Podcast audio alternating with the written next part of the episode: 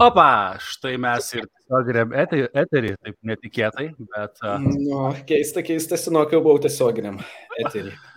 aš senokai iš vis kažkaip jūs visus mačiau per tikinės kongresą paskutinį kartą ir taip, bleba, savaitę. Kaip? Čia prieš savaitę. Nu, Nu, jau tai vyną aš pasakė. sakau senokai. Atrodo, kad jo, papau, kiek laiko praėjo, ta prasme, realiai, prasme, realiai, žiauriai daug. Senokai mes tikrai podcastą filmavom.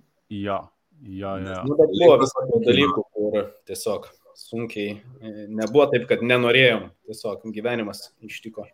Lygos kankino, aš taip prasirgau ir Tai pociūnai, kaip tavo sveikata viešam prisipažink, kaip jauties? Ah, Hujovai. Kaip matome, Hujovai. Ačiū už šitą visą pasidalinimą, tikrai. puiku. Galvoju, gal sakėks maždžiapsiais, bet ne šį Ne, nu čia jis labai tinkantis, e, tinkantis e, pasakymas, apibūdintis mano dabartinę būseną, bet e, ne, tikiuosi, kad pagerės jau. Ir nemėgstu žiauriai sirgti, aš nežinau, kas mėgsta sirgti, bet, e, bet sirgimo momentais galvoju, blemba, bet ką atiduočiau, kad vėl grįžčiau į tą savąją, e, sav, savąją būseną, kur ne, nebūtų temperatūros ir panašiai ir panašiai. Hebra rašo, kad nėra garso. Vat įdomu labai. Uh, mes mikrofus įsijungę, tarpusai viską girdim. Hmm. Klausimus dabar, ar čia visiems garso nėra? Uh, viskas sakė. Okay. Reiškia, tiem, kas nėra garso, tiesiog refresh. Aš pasižiūrėjau. Ai, kažkam yra, kažkam nėra, ne? Jo, kažkam yra tai, dažniausiai būna, kad reikia refreshinti. Anyway, tai um, uh, kaip Arnai tavo šiandien rytas, girdėjau ten kabelių ieškoti, Ai, viską taip gražiai atsinaujinau portfelį, viską čia pasiruošęs, pasistatau kamerą, o kabeliukas pasirodo yra sodyboje, nes vaikam buvau išvešęs Apple TV su HDMI kabeliu.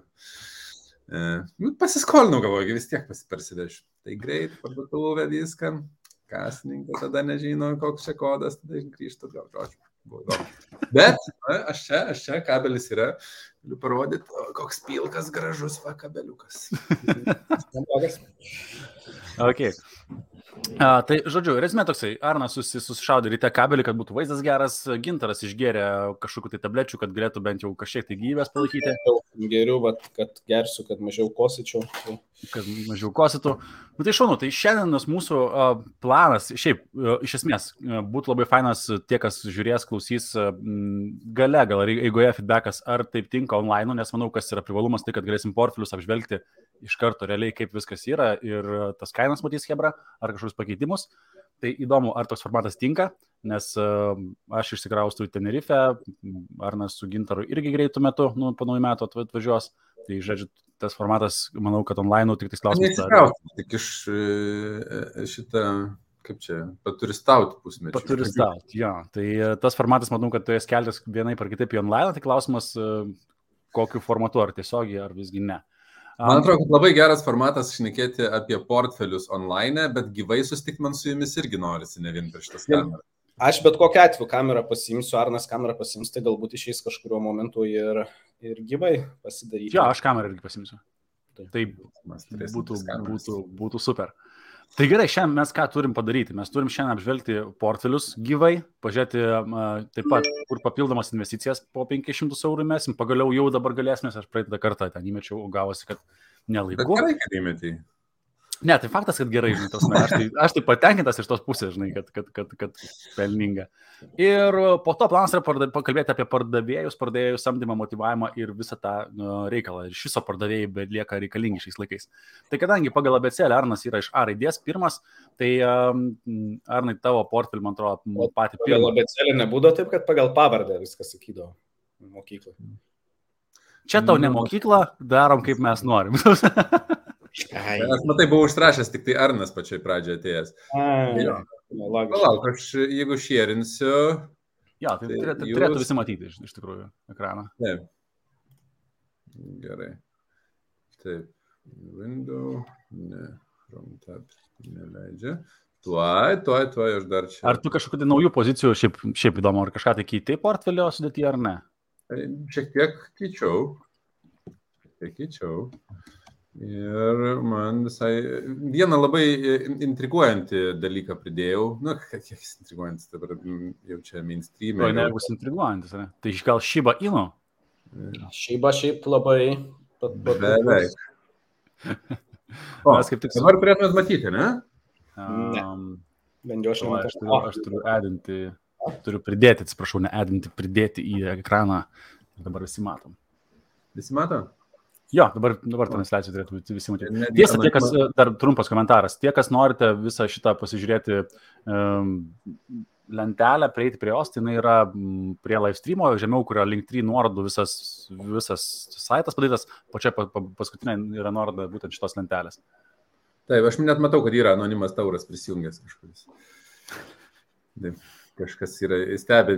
Tai va, tai e, mano portfelis koks buvo, toks ir išliko. Ir pagrindiniai pokyčiai atsirado su tuo, kad aš e, sugalvojau pridėti papildomą dalyką, nu, tai yra už tuos 500 eurų, e, nusipirkti vieną NFT. Tai yra kažkaip aš. Parodysi, kaip atrodo jisai, ar ne? Parodysiu, parodysiu.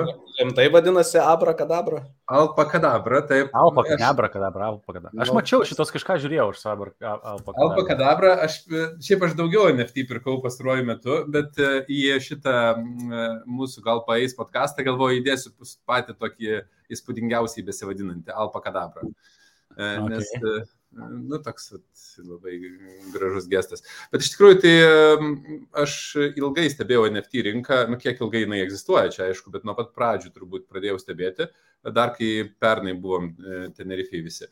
Ir stebėjau, aiškinausi, pačiam buvo sunku patikėti, kas vyksta, nes aš atsimenu, kad CryptoPunksus žiūrėjau, kada jie dar kainavo po 20 tūkstančių dolerių, e, nu, iš eterių išvertus. Ir e, galvoju, nu nesąmonė, nu kaip galima paveiksliuką pirkti už 20 tūkstančių dolerių. E, Bet, vat, e, būčiau nusipirkęs, dabar džiaug, džiaugčiausi tuo, žinai. Tai toks jausmas buvo, galvoju, nu gerai, šitą praleidau, bet aš žinau vieną dalyką investavime, kad neįmanoma praleisti progos, nes visą laiką yra naujų progų. Tai prasme, tai, kas kažkada buvo kriptopanksai, kažkas yra dabar. Ir aš bestebėdamas vieną influencerį, pamačiau dar vieną NFT, kur galvoju, nu, bet baisas šitas uh, Bored, uh, Bored app. Uh, Bored. Čia kas, Ga- Gary Vaynerchukas stebi iš tų, kas Ne, ne, dabar geras labai yra public figure. Um, Aš GRNY kripto stebėjau, jisai Mhm. labai ant NFT buvo pasinešęs ir jisai rekomendavo vieną tokį pradėti, gal, ai, gal brangų, gal ne. Ir aš praleidau progą ir tenais buvo gal šimtas X returnas. Ir, ir blemba, ir vėl galvoju, nu nesąmonė, kaip, žinot tą jausmą, kur, kur pagalvoji, kad pirksiu, bet, ai, palauksiu gal ir tada jau viskas šauna į viršų, jau galvoju, nu dabar jau tikrai neapsimoka, tada dar šauna į viršų, nu dabar jau tikrai neapsimoka, tada dar šauna į viršų. N Ir- kartų buvau ant šito greblio užlipęs. N kartų. Čia tas pats su bitkoinu, tas pats su indeksu, tas pats su praktiškai su bitkokia investicija. Tau žiūri, kad eik tu savo, nu nejaugi taip ir neperki. Ir Nu, tada galvoji, 2019 metais tai geros kainos buvo dabar, tai reikia palaukti. Tada Jo, tai aš e, sugalvojau, kad e, nusipirksiu, pradėsiu pirkti NFT ir aš e, ne, neperku tų jau, kaip, vėl, lietuvių kalba nežinau žo- žodžio, established, nu, tų, kurie jau yra jau įsitvirtinę. Aš gemblinu savotiškai, tai yra labai spekuliatyvus pirkimas, ypač turint omeny portfelio dydį 3,5 tūkstančio, kad aš už 500 eurų, nu, pats NFT kainavo 437 eurus iš eterio išvertus, apie 100 eurų kainavo man pirkimas, nes reikėjo persivesti pinigus į Metamaską. Metamaskas yra online voletas, online piniginė, browserio piniginė. Nežinau, kaip, kaip čia išversti lietuvių kalbą. Naršyklės. Naršyklės piniginė kripto. va. E, Turbūt populiariausia naršyklės piniginė, tai su Metamask. Viena seniausių, netgi sakyčiau, iš pinigų. Jo, jo, jo. Tai reikėjo persivesti tenais pinigus, kas kainavo 15 eurų, plus e, patys e, gas fee, tie transakcijos mokesčiai e, kainavo dar 90 eurų, tam, kad nusipirkti 400 eurų e, NFT. Tai aš dabar bandau taip laviruoti ant, tos, e, ant tų nedidelių e, sumų, e, neperku tų po kelis e, eterius, nes tada aš negaliu diversifikuoti. Ir aš turiu pats pat savo portfelio daugiau NFT, bet kadangi čia turėjau tik tai 500 eurų, tai vat nupirkau vieną. Tam man reikėjo parduoti šiek tiek e, iš savo portfelio e, kriptovaliutų, tai aš e, pardaviau septynis po Polkadexus, e, išverčiau juos į eterį ir dabar dar e, eterio va, turiu 0,03 beveik. Tai Čia bet mano pokyčiai. Aš pats esu nustebęs, nes galvojau, kad tikrai bus į minusą kai kurios investicijos nuėjusios, bet iš tikrųjų visos, visos yra pliuse, visi minusai yra tik administraciniai mokesčiai dabar. Nu, akivaizdu, kad kai pirkau NFT, jisai šį rytą pirkau, tai administraciniai mokesčiai visi yra minuse. Pats pervedimas minuse, bet šiaip visos investicijos yra nedideliam pliuse, bet čia yra labiau pasisekimas, sakyčiau, nei, nei, nei kad uh, pamatuoti. Vienas dalykas, į kurį gal galėčiau atkreipdėmėsi, kai uh, sudarinėjau savo portfelį, aš nepirkau Polkadoto, nors galvojau, bet tiesiog įmečiau į Polkadexą, tai yra Polkadoto uh, ekosistemos uh, vieną iš projektų, tikėdamasis, kad jisai auks daugiau nei Polkadotas, kai Polkadotas auks. Bet e, šitą strategiją negalėčiau sakyti, kad jinai pasiteisino, nes augo dvigubai, tiek beveik dvigubai polkadotas, tiek polkadeksas. Tai yra, nu, beveik tas pats yra. Tai ar pasiteisins, ar polkadeksas išaugs daugiau nei polkadotas, va, va, dar ten ateinančiam laikotarpiu, nežinau, bet aš tikrai planuoju, e, jeigu dar šiek tiek auks, dalį parduoti tam, kad liktų tik tai, e, tai yra, kad būčiau išsiemęs initial pradinę investiciją, initial investment ir visas polkadeksas likęs būtų tiesiog pelnas. Tas pats yra su e, poligonu, jis irgi yra stipriai kilęs ir panašu, kad aš irgi išsiminėsiu viską ir paliksiu tik tai pelną, e, e, savotiškai nemokamai gautą tą poligoną. Nu, tai, yra, tai, va, tai mano portfelio sudėtis yra tokia. E, spėju, kad jums įdomu pasižiūrėti, kaip atrodo mano nupirktas Alpa Kadabra. Tai aišku, kad įdomu, nes šito ir laukiu ten tos kainos, tai žinai, čia, nu, tos ne, skaičiukus mes matėm, parodyk, ką ten gražaus turi. ar tai yra menas, to įvertinsim visi, prabalsuosim. Ar, ar tai, ką mes matom, yra Taip. gražu, ar turės vertės ar ne. Ir kai... Prasme, jūs, aš su žmona vis pasikalbu ir jis sako, tu šitą pirksi, sako, už kiek? Sakau, nu, už 500 eurų. Yra, dabar mes. Ir ant sienos nepakabinsi, ne? Tuose tiesiog, vat, čia, čia gaunasi mm. momentas, kad tiesiog turi, do, do turi, tiesiog, vat, kad turi turėjimą. Tu, Va, turi taukiną, kuris įrodo tavo, okei, okay, bum. Bum. Štai mano alpakadabra. Kaip jums paveiksliukas už 500 eurų?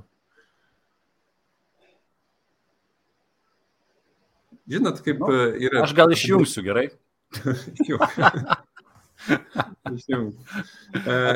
o tu galvoji, kad jisai e, auks, nes e, tiesiog galvoja, ar čia kažkokia limited, kiekis jo yra, ar kodėl? Na taip, tai dabar ir aš sugalvojau, kad aš pirksiu NFT tam, kad mes pradėtumėm diskusiją apie NFT ir kad šiek tiek praplėstumėm pasaulyje žiūrą ir, ir žmonių, žinai, suvokimą. Kodėl aš pradėjau vis dėlto uh, investuoti NFT, nepaisant to, kad jau dvi progas, kur jau buvo tos labai labai ankstyvos praleidau, todėl kad uh, vienas paaiškinimas apie NFT man, nu taip labai stipriai surezonavo, kad uh, žmonės perka labai labai brangius daiktus, nu, pradėkim ten Gucci, Versace, visokie Chanelį ir taip toliau, tam, kad parodytų savo išskirtinumą, kiek jie yra pasiekę, tam, kad kiti galėtų įvertinti juos ir realiai tavo šanelio rankinę ar tenais kažkokius batus ar tavo automobilį pamato saliginai nedidelis žmonių skaičius. Kai tuo tarpu didžioji dalis gyvenimo persikelia į internetą ir panašu, kad uh, e, NFT yra būdas parodyti, ką aš galiu nusipirkti, kiek aš esu pajėgus. Ir žmonės pradeda pirkti, nu, negaliu sakyti daiktus, tai yra dalykus, meną, ir jį gali parodyti visiems, tai yra šimtams tūkstančių žmonių, kiek aš galiu. E, tas pats Twitteris e, žada įsivesti, girdėjot, kad Twitteris žada įsivesti e, verified NFT. Tai yra, kad jeigu tu ant savo profile picture uždedi NFT, nu, pavyzdžiui, tokią alpą kadabrą, tu gali uždėti, kad yra verified, kad tu pirkai ją už 500 eurų ar už 5000 eurų ar už pusę milijono ir taip toliau. Priklauso nuo to, kiek jinai kainuoja. Ne? Tai čia yra būdas parodyti, kiek aš galiu Mano pirkimo priežastis yra visai ne šita. Man visiškai nesvarbu parodyti šitam Twitter'į ar dar kažkur. Tai yra visiškai spekuliatyvus pirkimas. Aš neplanuoju jų laikyti amžinai arba tenais tiesiog kaip meno. Aš žiūriu į visiškai spekuliatyvų tokį pirkimą, pardavimą. Pavyzdžiui, šita, šitas projektas, jisai turi savo, kaip roadmap išversti, kas žinot, kelio. Planą, vadinkim, tikriausiai, planą. Techno, vystimo planą. taip, taip, vystymo planas jo turbūt pakankamai teisingai. Jie, jie turi savo roadmapą, ar jie įgyvendins, aš nežinau, nes kiekvieną kartą su visais kripto projektais, kurie tik prasideda, yra neaišku. Bet e, planas yra, kad jie pradės online uh, žaidimą, tam online žaidime šitie NFT turės savo galės tam tikras, uh, iš kiekvienas šitas uh, pikseliuotas alpakadabra turės 3D versiją alpakadabros, kurią galėsi klaiminti po to, kai jie paskelbs. Ir aš bendrai turiu daugiau NFT, kiekvieno NFT, kurio aš pirku, aš perku už nedidelę sumas ir diversifikuoju, kad turėčiau daugiau. Ir mano planas yra tada, kai, nu, tarkim, paskelbia, kad atsiranda 3D tie jau ir, ir kad jūs jau galėsit kleiminti, tuo metu kyla kaina į viršų, nes žmonės nori nusi, nu, gauti du NFT tai vieną, nu, ten būna pakankamai dažnas scenarius. Ir jeigu tai bus, aš tiesiog parduosiu dalį savo NFT tais momentais, kada iš principo atpirks mano nu, tarkim, jeigu turiu nusipirkęs du NFT ir jo kaina pakyla dvigubai, aš vieną parduodu, man antras lieka holdinimui, kurį aš gavau praktiškai nemokamai. Panašiai kaip ir su Polkadeksu. Tai spekuliatyvios visos investicijos, kurias aš darau, va tokios, kurios, nu, čia yra statymai, tokie gamblinimai visiški. Tai uh, aš jas darau su, su tikslu, kad galiausiai išsimčiau pradinę investiciją ir visa tai liktų ant statymo. Ir jeigu kažkuris vienas iš visų turimų mano NFT auks 100x, tai panašu, kad visi kiti gali ir visai dingti, man nesvarbu. Žinai. Tai čia yra didelis, kaip čia pasakyti, didelė rizika, nes aš iš 3,5 tūkstančio dolerių perku vieną NFT, bet aš pagalvojau, kad projektui visai gerai yra ne tiesiog įmesti į, į bitkoiną arba dar kažkur, nes mes vis tiek stebėsim, kaip žilvino bitkoinas auga. Tai, nu, kad diversifikuoti ir tarp mūsų, ką mes renkamės ir, ir apie ką galim pakalbėti. Tai va, dėl to šitas e, grožis už kelius šimtus eurų yra prieš. Pagal, pagaliau ne tik aš dėl e, žiūrovų pasistengiau, bet ir... Nu, reikia, reikia, aš skaudėjau, aukojausi, reikia. Kaip aš tai, žinai, noriu tiesiog laimėti tą žaidimą. tai nieko, šiandien tikrai būsi laimėtojas su Bitcoin ir e, Ethereum pokyčiais, man atrodo. Jo, tai žinai, aš, aš tai tą patį NFT žiūriu, e, man ta technologija tai labai, e, iš, iš esmės man kripto labai primtina ir, ir NFT labai, labai labai primtina. E, aš irgi tą patį OpenSea naršiau ir žiūrėjau ir šią dieną, žinai, ten tų, pro, vadinkim, projektų, tai dar faina, kad yra projektų, kurie, kaip jūs sakai, kad bus kažkoksai, ten, žinai, žaidimas, tokenizuota kažkokia tai forma bus, kur tu galėsi galbūt ant keis žaisti, pralošti. Tai čia yra na, tikrai tai, kas realiai gali, gali turėti potencialios vertės. Nes... Gali, nebūtinai turės, pabrėžiu. Tai nėra investicinis patarimas žmonės ir tikrai mm, pasiverkit viską. Tarp kitko, vieną dalyką pasakysiu įdomu. Aš vakar papuoliau ant kriptos kamerių NFT pirkdamas. Ir okay. aš galvau, kaip žmonės gali patekti ant kriptos kamerių. Ir vakar aš um, 0,1 kažkiek eterio uh, atidavau kameriams. Hmm. Ir Ir sakysit, nu kaip, ne, nu kaip, ta prasme. Ja, man papasako, nes, nu, tavo asme, wow, mesgi prieš porą, kiek čia epizodų kalbėjom apie skemus. Taip, tai, taip, taip. Ir, ir galvoju, nu tikrai, nu tik reikia pasitikrinti viską. Ir, bet viskas susidėliojo tai, kad buvo vienas projektas NFT, kurį aš pirkau, kur buvo, vėl nežinau, lietuviško žodžio, mintinami NFT, tai kasami turbūt, nežinau. Tikriausiai, kad kas, jo, kažkas panašaus. Na? nu, pradinis NFT tas pasiūlymas, tai jos išmintinį už ten eterio tam tikrą sumą. Ir e, jų tinklapyje, kai pirmą kartą pasileido, viskas užlūžo, bet aš spėjau e, išsikasti ar išsimintinti vieną NFT. Bet aš planavau turėti ne vieną, o bent du jos, nu, kad galėčiau vėl va, daryti tą strategiją. Ir e, jie paskelbė, kad tenais juos atakavo ir, ir, ir jie iš naujo paleidinės ir jie paleidinėjo vakar. Ir aš savo ramiai įsijungiu tą tinklapį, jau žinau, kurią, kurią ten minutę turi prasidėti, nes ten per valandą gal visus ir, ir, ir, ir išgraipstu tos už pradinę kainą. Ir įsijungiu ir, ir vėl ten užlūžė viskas ir galvoju, reikia susirasti oficialų linką, nes kai užlūžta pačiam tinklapyje naviguoti negali, nu, nes ten visi jungiasi vienu metu, ten toks dažnas atvejis. Ir aš įsijungiu Twitterį ir Twitter'yje nebuvo paskelbę. Įsijungiu tada Discordą, nes galvoju, nu, Discord'e bus oficialus linkas. Ir čia yra grinai mano nesusipažinimas su Discordu, nes aš retai jame sėdžiu ir man ten labai, nu, ten kai reikia kažką pasižiūrėti. Bet labai gera pamoka bus. Įsijungiu Discordą ir vietoj jų oficialaus tinklapio aš paspau, žinutę man ten atsiunčia, nu, ta prasme, diemas, direct message atėjo. Ir viskas buvo, ir kadangi aš prieš tai buvau, buvo net žinutė sudėliota taip, kaip atrodo jų tas um, pagrindinis puslapis. Ir ten buvo linkas. Ir tas linkas irgi skiriasi dviem raidėm gale, kuriuo aš irgi nepažiūrėjau.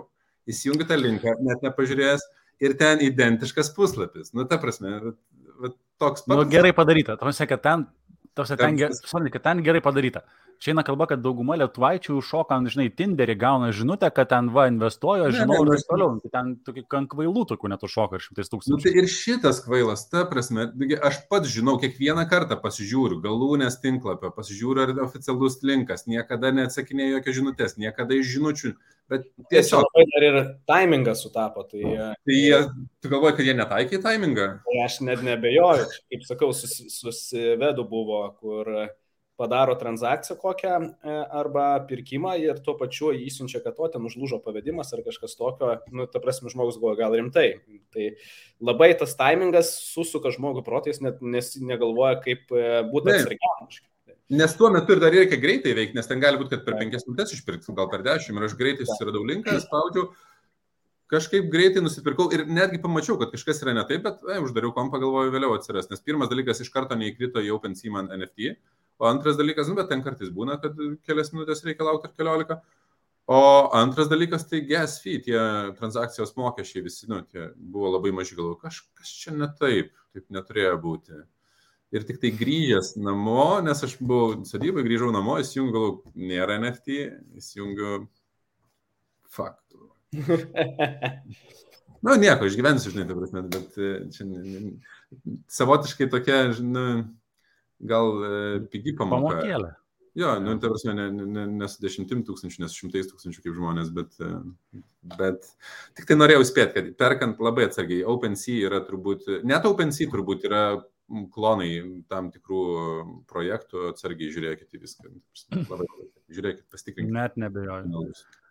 Tai mano mintis apie NFT technologiją, kur sakau, kur, e, ką aš matau to pačioje OpenSea. Tai ar mes bent jau su kažkokiu tai potencialu į kažkokį tai gamifikaciją, sužaidybinimą, dar kažkas tai ten, nu, kažkas bus daroma, ne, vystomas tas projektas. Tai jeigu pažiūrėsite, OpenSea yra tiesiog prikelta netgi šiaip elementariausių fotkių, kur matosi, kad trečių pasaulio šalių piliečiai kelia, bile, nu, tiesiog bileką. Tuose ten milijonai visiško belenko. Tai ką reikia suprasti, kad, žinai, ten nebus taip, kad aš pataškysit pinigus į NFT, visą, kas vadinasi NFT, viskas yra auksas. Tu tapsime, kad tikrai reikia tos projektus įsigilinti, e, kad, kad jie turėtų vertės. Ir, ir vertė atsiranda kada, kada yra už to projekto stovi kažkoks įdėtas nu, darbas, kad, kad tai arba ten bent jau pirmas buvo bet bent jau kažką arba unikali idėja, arba kažkiek tai darbo įdėta. Yra, yra keli aspektai, kuriuos bent jau aš žinau, kad galima žiūrėti. Tai pirmas yra founderiai, kas yra, kas įkūrėjai, nes jeigu įkūrė, pavyzdžiui, aš praleidau ir tą patį Gary Vaynerčią, kur už vieną eterį galima buvo pirkti e, Gary V Friends kur dabar 10 metrų kainuoja. Nu, kažkaip dar netikėjau, tuo metu dar netikėjau, kad gali tiesiog random paveiksliukai iš, išaukti. Bet dabar aš pradedu suprasti visai kitaip, kad jeigu yra kažkas, ką žmonės pirks taip pat kaip visokius nu, daiktus, kuriuos mes norim parodyti, kad kiti matytų, kad mes turim, tai tol bus. E, e, antras dalykas, tai vad, kaip sakė Žilvinai, ten gali būti tiesiog elementariai e, kažkokie tolimesni žingsniai, ką jie sukurs, kurie bus naudojami. Trečias dalykas, tai gali būti šitie kaip bilietai, kaip uh, access uh, dalykas kažkam. Tai, pavyzdžiui, Gary V. Mhm. taip yra panaudojęs savo Gary V. Friends jo konferencijas, kažkokias ten yra jo tam tikrą uh, draugų ratą, pavadinkim, ten community, tą bendruomenę gali patekti. Ir, ir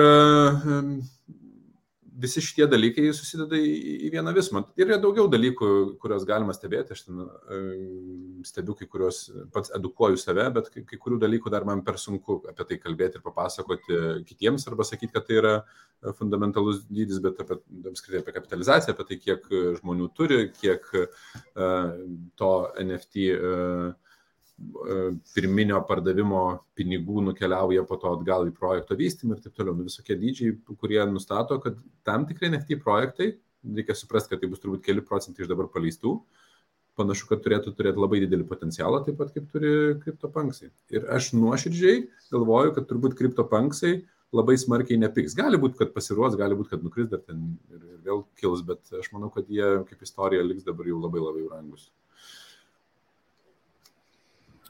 Manau, kad dar svarbu paminėti dėl NFT, tai tas perpardavinėjimas, ko su šio laikiniu menu e, nebuvo, e, tai kad tu gauni 10 procentų berots. E, Priklauso nuo, nuo NFT, kai kurie ten 3 procentai, kai kurie 4 procentai, kai kurie 10 procentų, bet tas pačiam uh, savininkui, kuris, nu kaip nesavininko, autoriui, kuris sukūrė tą NFT, tai yra uh, toks nerealus dalykas. Jeigu aš būčiau menininkas, tai tikrai leisčiau dabar visokius NFT. Uh, tiesiog bandyčiau, ne dėl to, kad jie dabar va, būtent paės, bet tiesiog, kad, kad būtų pasiruošus tai rinkai, kai rinka bus pasiruošus. Nes uh, Nu, bet aš žiūrėjau Pikelio ir, ir, ir Mačiulio dvikovo, turbūt ir kažkas iš jūsų irgi turėjo. Žiūrėjau, žiūrėjau. Tie, kas kripto domisi, tai tokia dvikova jau tai turi pasižiūrėti.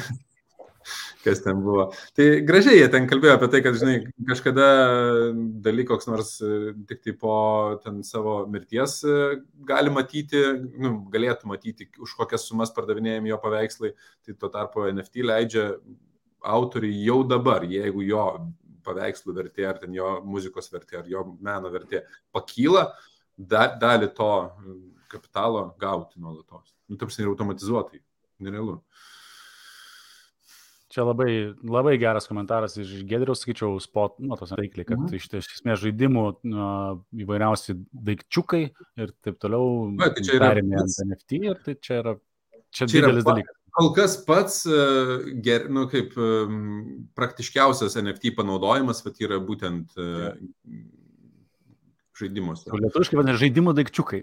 Nes skaitau gėjimus, gėjimus, nu, žaidimas. Jo. Bet taip, taip, yra labai akivaizdu, kad tenais pirkti ir parduoti. Ir tarp kitko, daug, daugelis NFT būtent į tai ir taiko, ta prasme, net ir tie, kurie dabar paleidžiami yra, tai jie atrodo yra kaip profilio paveiksliukai, bet jie po to turės 3D versijas, tam metaversija bus. Ir dar plus man papildomos tokios gal pasitikėjimo pridėjo NFT, tai kad Facebookas eina į NFT, ne į NFT, o į metaversą, tai prasme, į virtualią realybę. Šitą temą skaitinėjot, nes, nu, tos baisiai įdomi tema, galim truputėlį paliesti, nebuvo plane, bet, nu, bum, čia, čia. Čia reikia atskirą šitą padaryti epizodą apie... Tai tik to, da, varom, nes čia, nu, man, man labai įdomu jūsų mintis dėl Facebook metaverso ir ten, žinai, e, vienos baimės yra, kad ten vos ne uh, gali tapti iš esmės matrica, žinai, tos ten iki, iki to. Ten bus matrica, tai prasme, negali. Ar būtinai tu turi atsisėsti ant kėdės ir tau, žinai, į sprandą įkišti turi kokį nors diodą, tai turbūt gal ne kol kas, mhm. bent jau kol kas. Bet e, tai kai pasineri į kažkokią, ta prasme, atsisėdi į kokį Twitterį, atsisėdi dar kažkur, tu šiaip pasineri į virtualią realybę, nu, nu, nevaikštai ten, bet tai vat, metaversas yra savotiškas yra daugiau, ne, ne, ne tik Facebookas, yra kitų dar e, projektų, kurie kuria. Taip, vienas jos pirmųjų tas buvo Second Life, aš nepamenu, bet jau čia dešimt, gal daugiau metų, diev, daugiau tikriausiai metų atgal, bet kažkaip ne, nepaėjo tas, tas reikaliukas. Ar bent jau yra, pavyzdžiui, mainstream. Vienam mano, port, mano pagrindiniam portfeliu aš kažkada tik pradėjęs NFT domėtis, galvoju, aš tų paveiksliukų nepirksiu, nes čia nesąmonė, nu, čia mano mintis buvo. Ir aš sugalvojau, kad ieškosiu NFT projektų, kurie gali turėti nesvertės.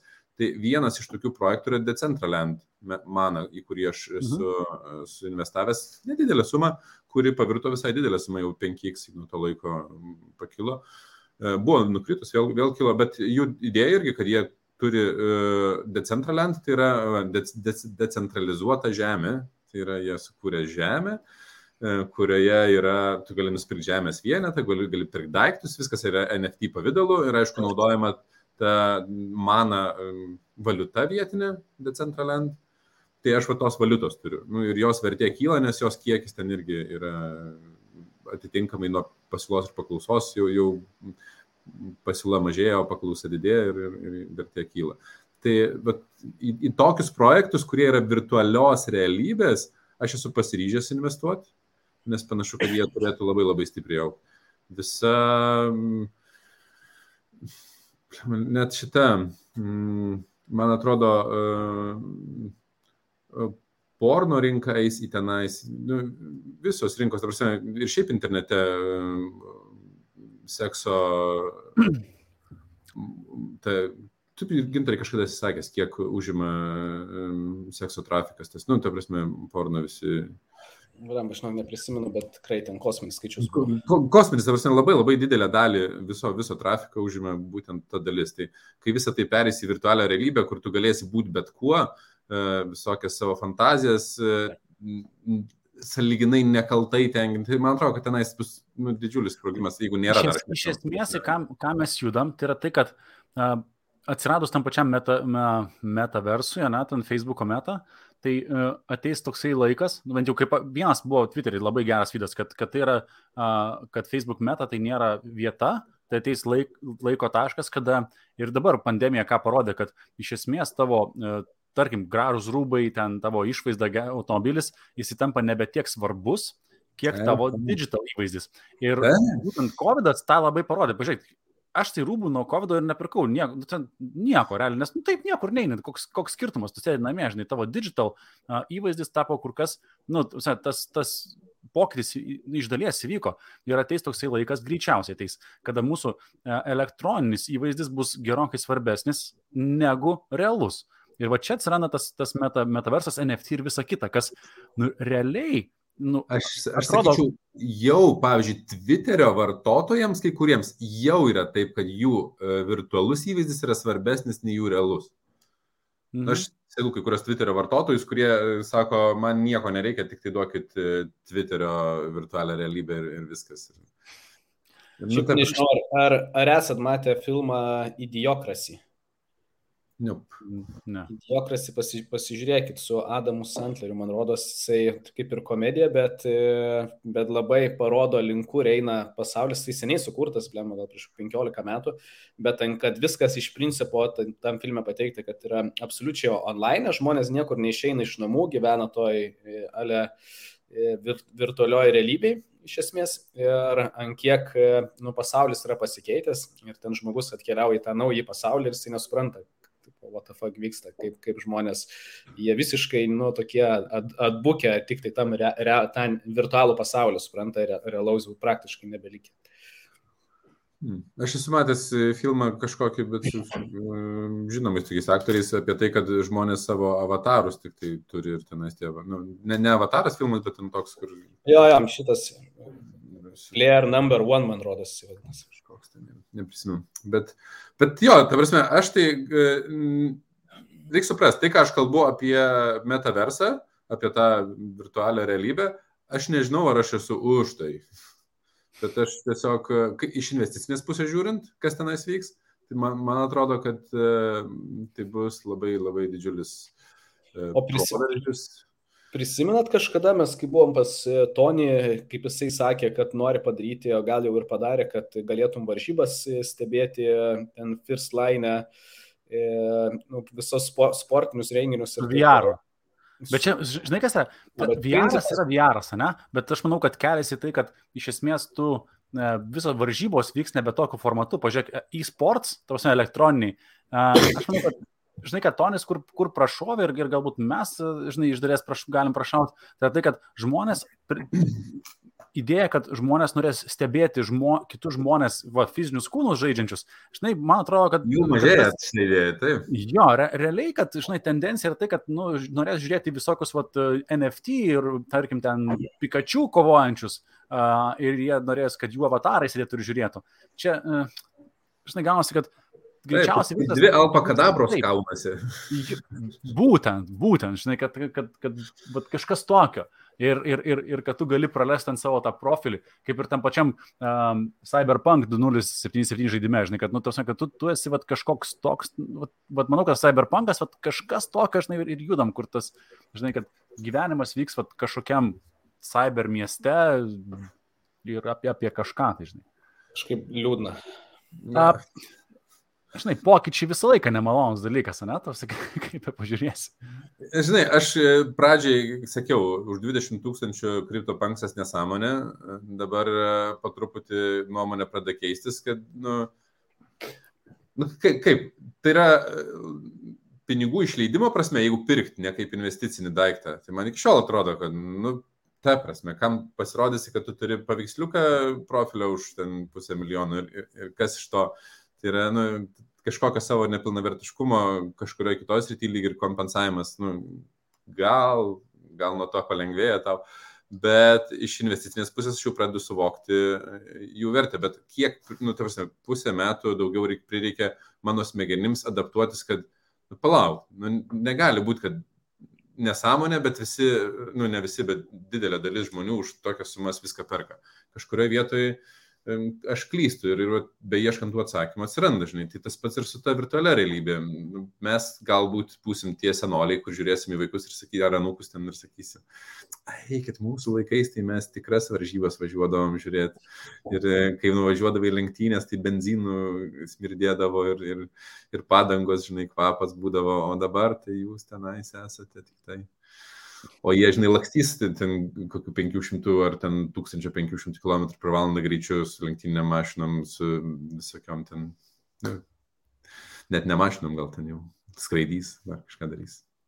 Tau, faktas, kad į, į, įdomus dalykas laukia, nu įdomu, žinai, su Pim kažkada kalbėjome, čia taip įdomi, ir sakau, tavęs dar laukia, žinai, nu, nu tarkim, gyvens 80 metų, tai įsivaizduoju, kad mūsų vaikams, ne, kiek laukia įvairiausių ultra įdomių dalykų, tos me, kad skraidančios mašinos, nežinau, tuneliai, teleportacija. Ne, mūsų laukia dar ultra įdomių. Fa, žinai, mūsų laukia, bet, omeny, kad, wow, kiek dar daug laukia. Bet sekantis dalykas, kas mūsų laukia, tai gintaro pociūno portfelio apžvalga. Man atrodo, mes prie Arno užsibuvom čia su NFT ir metaversu.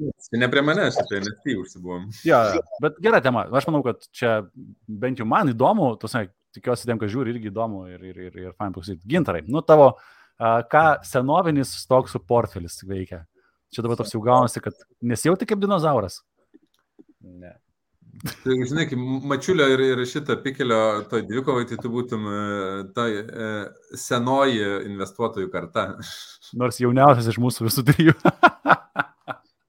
Ne, ne, žinau, kad gintaras turi ir kriptą ir viso kito. Čia turėkite omeny, kad tai, ką mes čia darom, tai yra labiau... Tai yra šou. Pinigai, kuriuos esu sudėjęs absoliučiai. Čia gyvensiu, išgyvensiu arba laimėsiu arba bankrutuosiu. A tu mikrofoną, ką tu padarysi mikrofoną? Ką tu su mikrofonu darai, nes tai čiupinėjai toks jausmas. Čiupinėjai, čiupinėjai. Nelies A. mikrofono. Aha, aha, aha, aha. Bendrinti. Nagi. Spaudžiu bendrinti. To man dar tai iš. Ka, kažkaip nesidaro niekas. Follow the steps. Gal kokį tai permissioną reikia? Jo. Tai gal pakol aš sustvarkysiu permissioną, tai tu pasišėrink tada pats savo investicijom. Gerai. Nedavė tau leidimo? Nežinau, kažką.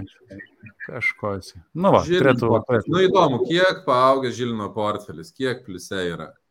Tu. A, nu gerai. Nu eurų. Nu gerai, pažiūrėjau, mano kol gintaras ten susidarys permišinus. Tai uh, aš kažkokių pakeitimų nedariau. Uh, realiai jo bendras portfelio pliusas yra 960 eurų. Uh, Galbūt, žinai, kas, kas vadinkim taip mane. Įmeti papildomus 500. Uh, ne, aš, ne, aš dar nemečiau papildomų 500, dar esu tokiam, žinai, apsvarstymė, uh, kur juos man, uh, kur juos man įmesti. Uh, tai yra, šitoje tai, taip žiūrim, bitkoinas, aš bitkoino pozicijos nekeisiu ir uh, ją paliksiu, aš turėjau planą patreidinti, bet šiai dienai. Uh, Na, žinai, tai išdavai dabar. Jo, žinai, kas, kas gaunasi, kad E, Bitcoinas ant tiek dabar ateina, nu, nu, atėjo naujienų per tai, paskutinį kartą mes kalbėjom, kad, žinai, man, nu, bull markete bandyti atlikti treidus, nu, yra, nu, reikia big balls, ta prasme, kad tu... Tai neturi? Čia aš neįsivaizduoju. Čia, čia, čia, čia per sunku, žinai, tai per sunku. Nes realiai plan beatas, uh, stock to flow model, nu, jisai šio mėnesio buvo pagal Plemry prognozijas ir Vėlyvų prognozijas. Čia du analitikai Bitcoino uh, turėjo užsidaryti ties 63 tūkstančiais dolerių, ką jisai prieš pusę metų buvo pasakęs. Tai užsidarė poziciją ties 61, tai ten kelių tik procentų paklaida, tas kas yra... 3, nu, 3 procentai skaičiu, kad paklaida buvo. Jo, tai netgi truputėlį mažiau gaunasi. Nu, tai yra juokas. Pasakai, pusės metų spėjimo, tai yra juokas. Ir na, toliau, kas, kas vyksta, tai yra uh, Kanada, Europa, Australija davė žalę šviesą, pasileidžia, reiškia, ETF, kripto ETF, kas, kas leidžia ateiti instituciniams pinigams, didžiulių fondų pinigams, pensijų fondų pinigams, kad ir, vadinkim taip, fondas, kuris val, val, valdo milijardus, net jeigu ir alokacija mestels tenais, tarkim, procentą ar iki 5 procentų, kas manau, kad yra pakankamai, ten, nu, tarkim, procentas, realu, kripto rinkai tai leidžia, nu, aukti kosminiais kiekiais. Ir kas dar įdomu su, tarkim, jeigu ateina in, in, instituciniai pinigai, tai reiškia, fondų, tokių kaip, pavyzdžiui, ten pensijų ar, ar esmės hedge fondų, strategija nėra tradinimo. Tas jie nupirko tą, tą turtą ir jie laikys. Ir tai reiškia, kad, reiškia, kad vėlgi bitkoino kiekis, kuris yra e, keityklose mažėja, nu, tai automatiškai pasiūla paklausa ir kaina kyla. Tad aš tikiu, kad bitkoinas e, per artimiausius ten 3-4 mėnesius dar turėtų kilstelti kainą iki doleriais, kalbėsiu, 100-120 tūkstančių dolerių. Ir vėlesnis kritimas, jeigu toks jis bus, tai jisai bus iki šiandienių kainų, tai ką mes turim dabar. Ir manau, kad po kokių 9-10 mėnesių mes niekada nebegrįšim prie kainų lygio, kuris buvo dabar ten 59-63 tūkstančiai dolerių. Tai na, atlikinėti dabar treidus būtų tikrai pernelik drąsu, nes greičiausiai aš parduočiau ir turėčiau užsipirkinėti už brangiau. Kad... Labai neblogas treidas. Ypač... Jo, kaip, kad, kaip kad dauguma ir daro, žinai, čia, tarsi, čia yra, nu, klasika. Esu daręs, taip, esu daręs. Parduok ir paskui nusipirk tą patį už brangiau. Uh, esu daręs, gerai, taip. Aš, e, man labai skausminga tema, nes aš esu pardavęs cielą bitkoiną už 14 tūkstančių eurų ir galvojau, kad jisai pavažiuoja žemyn, e, kai, nes jisai aukščiausią tašką pasiekė all time, all time high E, kai tada jis iššovė 28 ir galvoju, nu tikrai pasieks ir turės būti korekcija, žinai. E, nes ir tokių naujienų buvo ir visa kita, ir po to jis įpystelėjo 28 tūkstančius. Tai tada aš nupirkau pusę bitkoino tik tai už e, tą pačią. Puikus treidas, puikus treidas. Labai. Aš, aš esu tokių daręs su 0,2 ir dar kartą esu daręs 0,2, nu, bandžiau vis. Tai... Uh, sakykim taip, dabar kur, uh, kur atsiranda mano tokios pozicijos, kur aš um, ant ribos, vadinkim. Uh, eteris, tą, ką turiu šį čia, uh, man, eteris turi problemų, tą, tą jūs matėt, gas. Eik, to negali būti. Toliau, wow. Eik. Ir uh, konkurentai uh, nesnaudžia, žinai, kas, kas yra liūdna tikriausiai naujiena eteriui, tai kad konkurentai nesnaudžia ir galbūt aš eterį išmainysiu į polkadotą. Čia turiu tokį. Dabar po pakilimo? Um, nu ką darysi, nes Polkadokas, manau, kad... Žodžiu, čia, čia, čia dar mintis, žinai, garus pamastymai. Uh, tikriausiai labiausiai toks į ateitį pažiūrėjimas yra Energy Web tokenas. Uh, aš jį pasiliksiu, salignai mažas, maža suma, e, tai te, tegul būna, vis dar tikiu, kad, žinai, kad metai du ten turėtų važiuoti. Ir mano tie papildomi 500 eurų, kur dabar, aš, žinai, dvėjoju, kur ką daryti. Įmes dar bit bitkoiną, tai labai neįdomu, nes Hebra, nu, tipo, žinai, o, įmes į bitkoiną, ten viskas, aišku, paaukstų, viskas gerai. Bus, bus uh, būtum nuobodžiausias investuotojas. Jo, tos man būčiau, lai, lai, aš jau ir dabar laimiu nuobodžiausias investuotojas. Nuobodžiausios investicijos laimi. Bet taip yra, šiaip dažniausiai. Taip yra. O tu taip pat bandai dviratį ir kurti ten ultra mega strategijas, tuo dažniausiai prašiau sekasi. Nu, va, tai uh, panašu, kad iš tikrųjų jo pati bazinė tokia strategija, žinai, tas pats imti, imti bitkoiną uh, ir šiek tiek eterio visgi veikia geriausiai. Tai yra, aš čia panaudojau tą, tą strategiją, ko aš laikausi savo portfelėje. Tai čia, žinai, ne, nu, neišsikalinėjant. Tai uh, dabar galvoju dėl, dėl įdomumo, galbūt, galbūt paimti tos papildomus 500 įmesti į NT nuomą, bet čia gintaras mane pradėjo pizdavoti, ką čia nekilnojamas turtas, trarale, bla bla bla, žinai, kad per, per Inrento ir ten gauti uh, nuostabius 6 procentus. Nežinau. Aš atveju sakiau tiesiog jau verčiau į Real Estate Investment Trustus, tai yra reitus įdėti. Jo, matai, su, su reitu. Inrento, tik tai tau nereikės, nu, ta prat, iš principo tas pats, tik tai graža yra didesnė. Tai, uh, Matai, Inrento, uh, kur tu gal neįvertinai gražos, tai yra tai, kad turtas nuomojamas ir pardavimo atveju aš irgi gausiu tą uh, nuo turto vertės padidėjimo, reiškia, kainą, tai kai jis ir jeigu bus parduodamas. Ir kas dar su Inrento man visai su, su kaip čia pasakyti, surezonavo, galvoju, į metus tenais, nu, 500 net, netinka, bet ten 5000, nuo 5000 tu gauni tame uh, turte, pavyzdžiui, Ispanijai, ten kelias dienas pagyvent gali uh, gauti už tai, kad investavai. Taip, nu, visai irgi tokia, žinai, nu, fine, uh, fine dalis. Tad gaila, kad čia sumos per mažos, kad galėčiau tada podcast sakyti, va, Hebra, žinau, savo 500 eurų ir dabar transliuojame iš mano vilos Ispanijoje, kurioje turiu valandą laiko pabūti. aš Aš turėčiau pastebėti, kad e, ponas Žilvinai, e, jūs tarėte su makleriu prieš e, investuodamas. Viskas, viskas. Gintai, ką pasakys, tą darysiu. Ką pasakys. Jau matau, kad be manęs tau sunku būtų, bet nieko, patarsiu. patarsiu. Tai va, ir...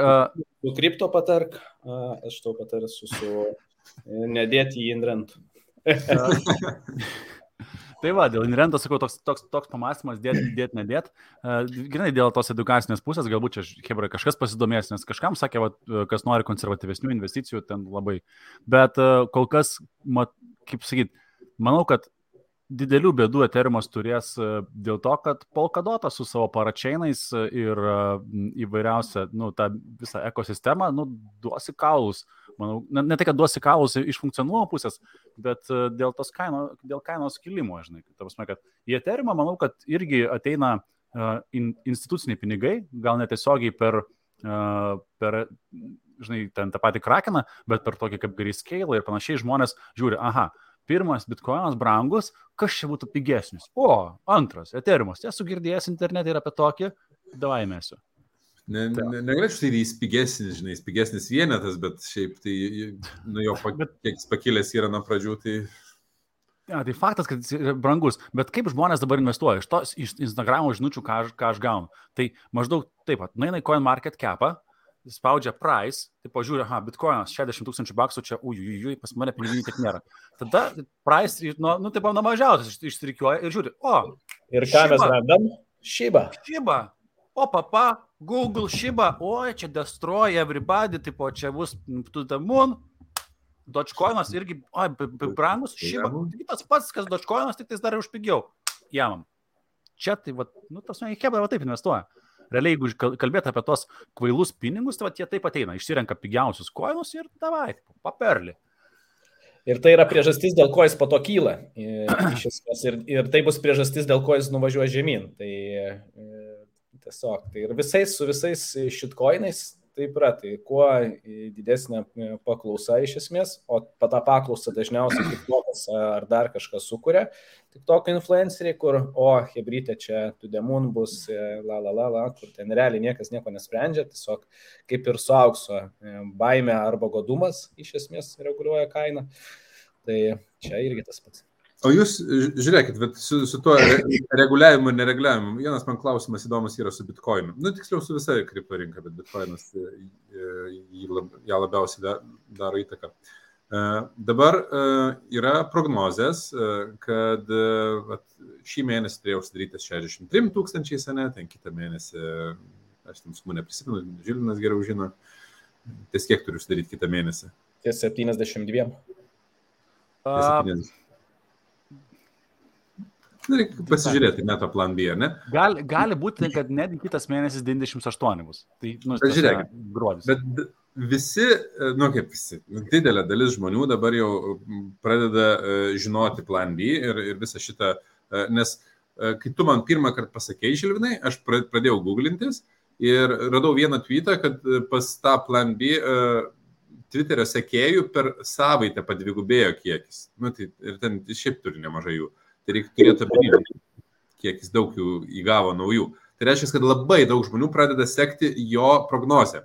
Ir kai tu seki prognozėm, atsiranda labai didelė galimybė banginiams, vailsams tiems, suspekuliuoti rinką šiek tiek, nu ją išmušti iš tų vėžių, kas, kas, kas pagal planą turėjo būti, tam, kad e, atsikratyti tų paper handsų vadinamų, nežinau, popierinių rankų, kaip, kaip jas išversti nu, tie, kurie labai labai bijo ir tik tai pradeda kristi, viską pradeda pardavinėti. Tam, kad galų gale šituos visus, už, žinai, kurie būna svertiniai tie investuotojai, kad jų, jų atsikratyti, nes svertiniai investuotojai visada užlūšta ant, e, pakritimų pakilimų.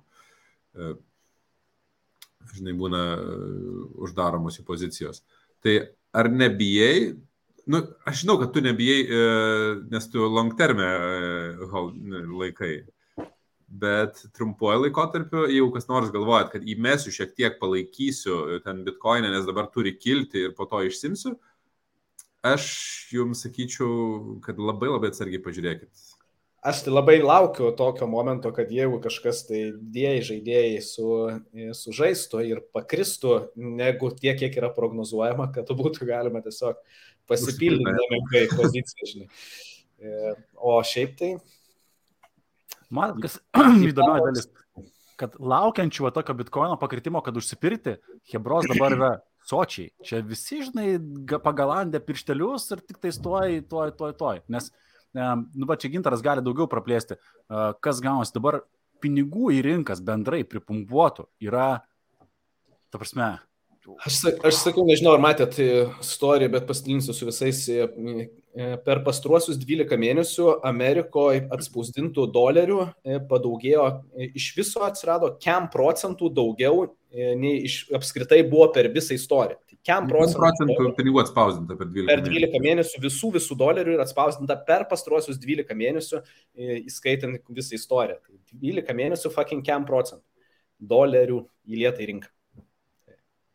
Taip, net, ta prasme, net to dvikovai mačiulis jau sutinka, kad nu, pinigų įlietas kiekis padarė ir didžiulę paslaugą ir tam pačiam bitkoinui, ir, nu, ir kitom investicijom tame tarpe, kad žmonės stengiasi kažkur tos pinigus dėti. Čia mes tą temą turim, e, aš sakiau, kad norėčiau ją pakalbėti, kaip mes įsivaizduojam, e, ar čia bus infliacija, ar čia bus krizė, ar čia bus kas, tai manau, kad galėtume palikti e, kitam kartui, nes jinai gan plati ir, ir šito vietoje manau, kad klaus, pas klausytojus yra daug tokių irgi, o tai kas bus, ko čia lauktas, ko tikėtis, tai aišku, ne vienas iš mūsų nežinom, bet kiekvienas nuomonę kažkokią turim. Štai, va, ar mes turėsime Matai, ačiū. Gintaras kitam podcast'e pasakys. Aš būtinai. Nes jis turi tą rutulį tokį, vat, kaip šitas, tik tai skaidru ir rodo ateitį. Jokauju, aš, aš tiesiog kiekvieną kartą siūlau būti atsargiems mm. su direct ir visiškai tiesioginių nuomonių apskritai investavime, jeigu jums kažkas sako, kad bus būtent taip, nu, hebrytė. Nepasitikėkite. Pasitikėkite tiesiog. Čia, žinai, investavimas yra hipotezių, uh, hipotezių reikalas. Ir, pavyzdžiui, žinai, aš, uh, vadinkim taip, statau ir statau nemažą krūvą pinigų, ten eina kalba apie ten šimtą K uh, ir taip toliau, kad, kad vat, rinka vat, nekrešins, žinai. Nu, mano tokia hipotezė yra. Uh, kažkas, kas hipotezę turi, kad krešins rinka, ten, pavyzdžiui, um, šitas, kaip jis yra, kur 28 metų krizę išpranašavo. Jisai, žinai, eina shortint rinką. Kaip? Ekstrasensė banda. Ne, ne, ne, ne, nu šitas Michael Burry, Michael Burry.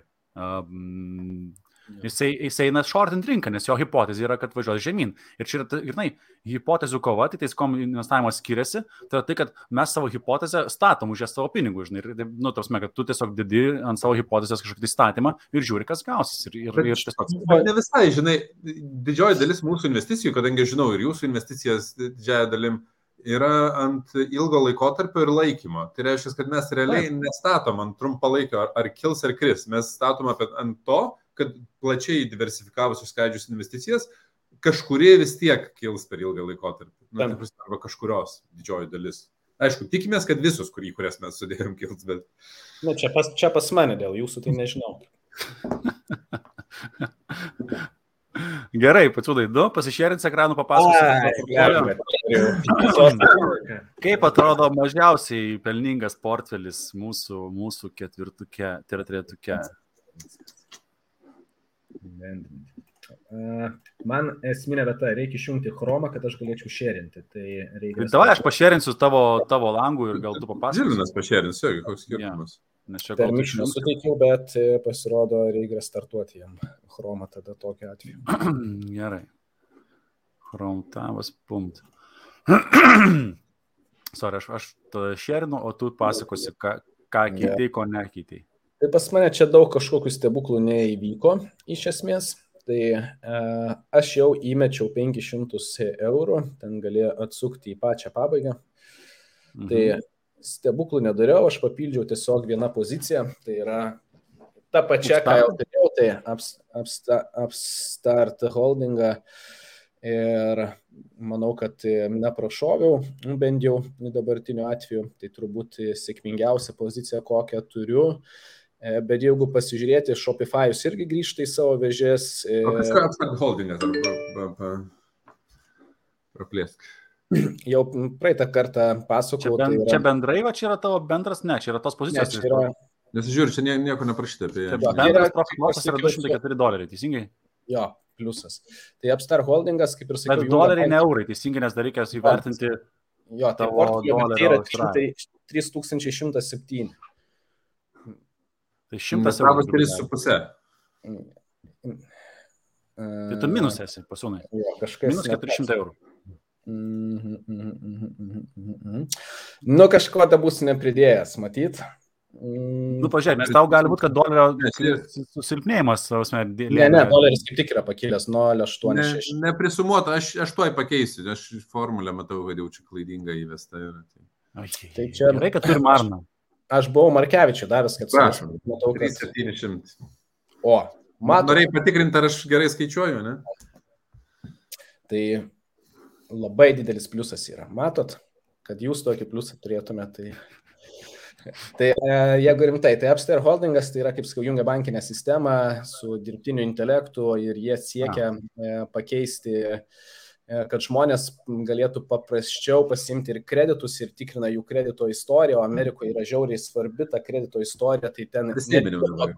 be to kredito reitingo e, jie leidžia e, patikrinti ir tiek bankui nepra, ne, nelūzinti, neprarasti, tiek e, e, vartotojui, kuris įmė, kad jisai tikrai gražintų, tai nu, ten jie nusitaikė į kosmosą ir e, labai staigiai kyla. Ir viskas, kas susijęs su tokia technologijom ar dirbtiniu intelektu, e, man kažkaip tai pastaruoju metu e, labai važiuoja, tai aš savo pagrindinį portfelį labai daug pozicijų pildau būtent e, tokiomis įvairiomis kompanijomis.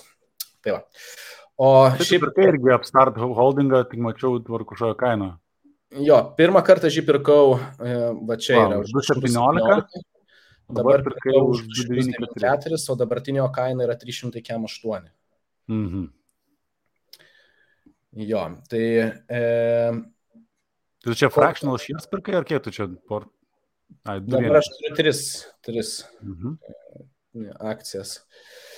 E, kas labiausiai nuvylė mane, ir, bet bent jau ataskaitos rašo, kad viskas turėtų būti ok, tai yra Lemoneidas, yra draudimo bendrovė, jinai inovuoja ir pasirašo vis tos naujus produktus, projektus ir manau, kad jinai išvažiuos.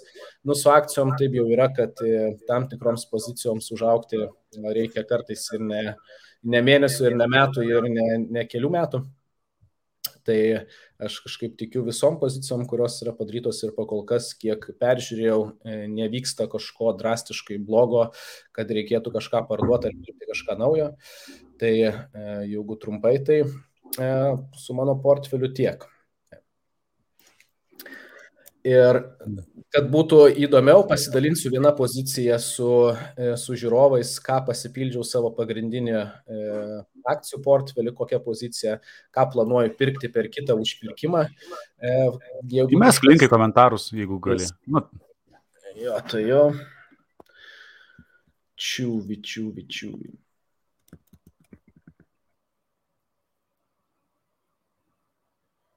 Tai. Tai tiesiog pavadinimai mesiu.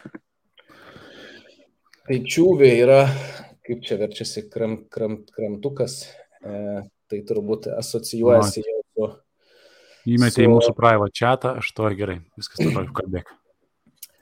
Tai yra, e, kadangi man patinka gyvūnai, e, aš mėgstu irgi investuoti į ten arba kur daugiau mažiau suprantu, arba technologiją, arba bent jau kažkiek e, suprantu, arba man yra artima kažkas, e, tai tokia atveju stengiuosi daugiau mažiau į tokias kompanijas investuoti. Kas man nėra artima, ko nesuprantu, stengiuosi neinvestuoti, nors ir profitai iš pelnas gali būti tikrai nemenkas, e, bet e, vėlgi stengiuosi, kad būtų kažkas man artimo. Tai šito vietoje tai yra labai didelė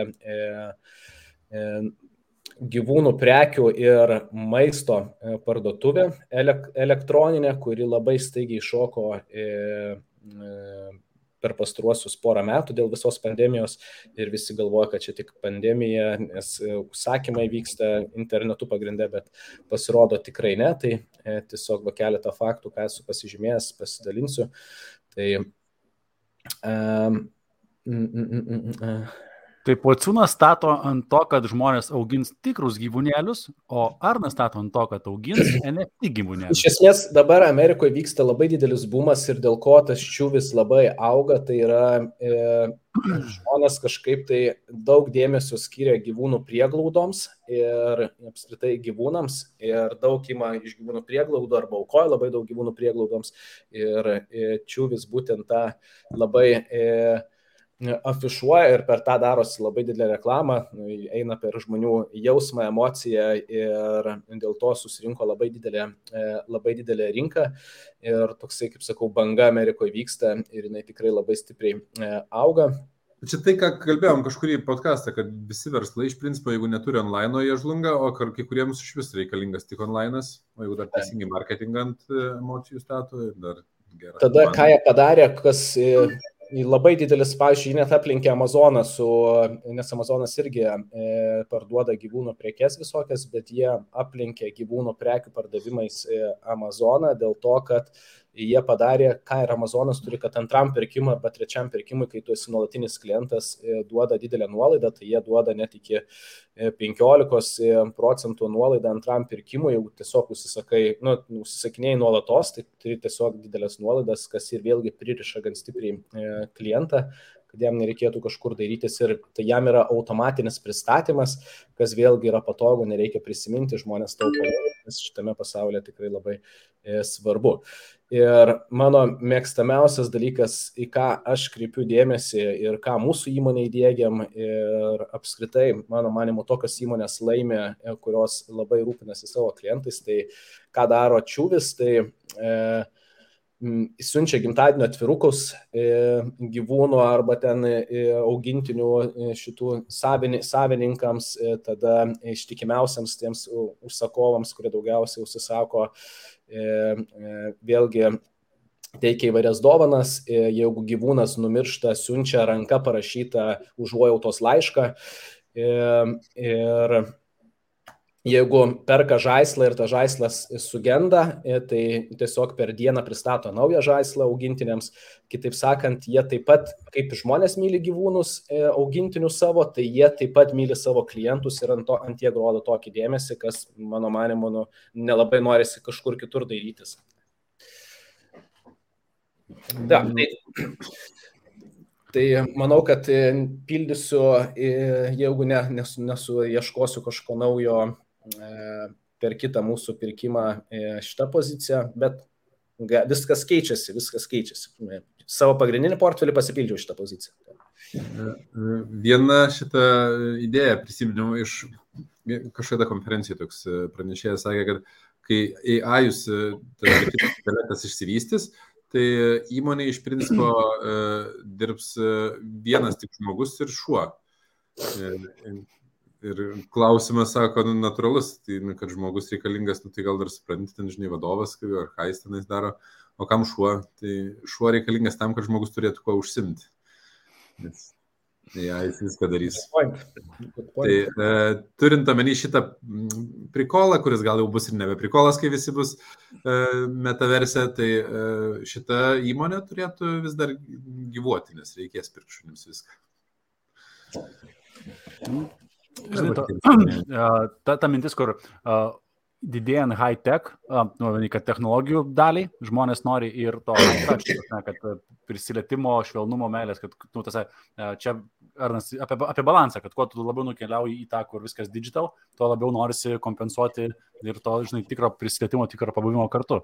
Tai vis, visai gali būti, visai gali būti. Kalbant apie AI, mano portfelius apžvelgiam buvo per valandą laiko, taip greitai perėm, čia viskas tikrai puikiai, vienas du ir apžvelgti. Galvoju, 15 minučių, bet čia žiūriu, kad užsidiskutuoja ir, ir dar tenais gali lysti. O, aš matau, čia dar, dar yra krūva, krūva klausimų, ten kaip mokesčius mokam, nemokam, bet čia, čia manau, kad A, tiesiog apie Bet tai. Mes neišsiminėjom kripto, tai kai neišsiminėjai, tai mes nesam pati geriausia vieta sužinoti apie mokesčius, bet mes e, kaip ir turim tą savo pažadą, kada nors pasikviesti kokį nors ekspertą kuris e, apie kripto mokesčius papasakos. Tai į Milaną reikės pasimti ir, ir tiesiog, manau, kad padaryti su Milaną gal kokį epizodą, žinai, ir, ir, ir, ir tą. Vėl mokesčiai ant tiek yra plati ir ant tiek kintanti tema, kad apie ją... Apskritai, manau, kad čia kiekvienas, kiekvienas iš mūsų laukiam tiesiog investicinės sąskaitos ir mažiau norim sukti gal, galvos dėl... Ten kažkas klausia, kaip išsimdė mokesčių, tai nu, nejuokaukit.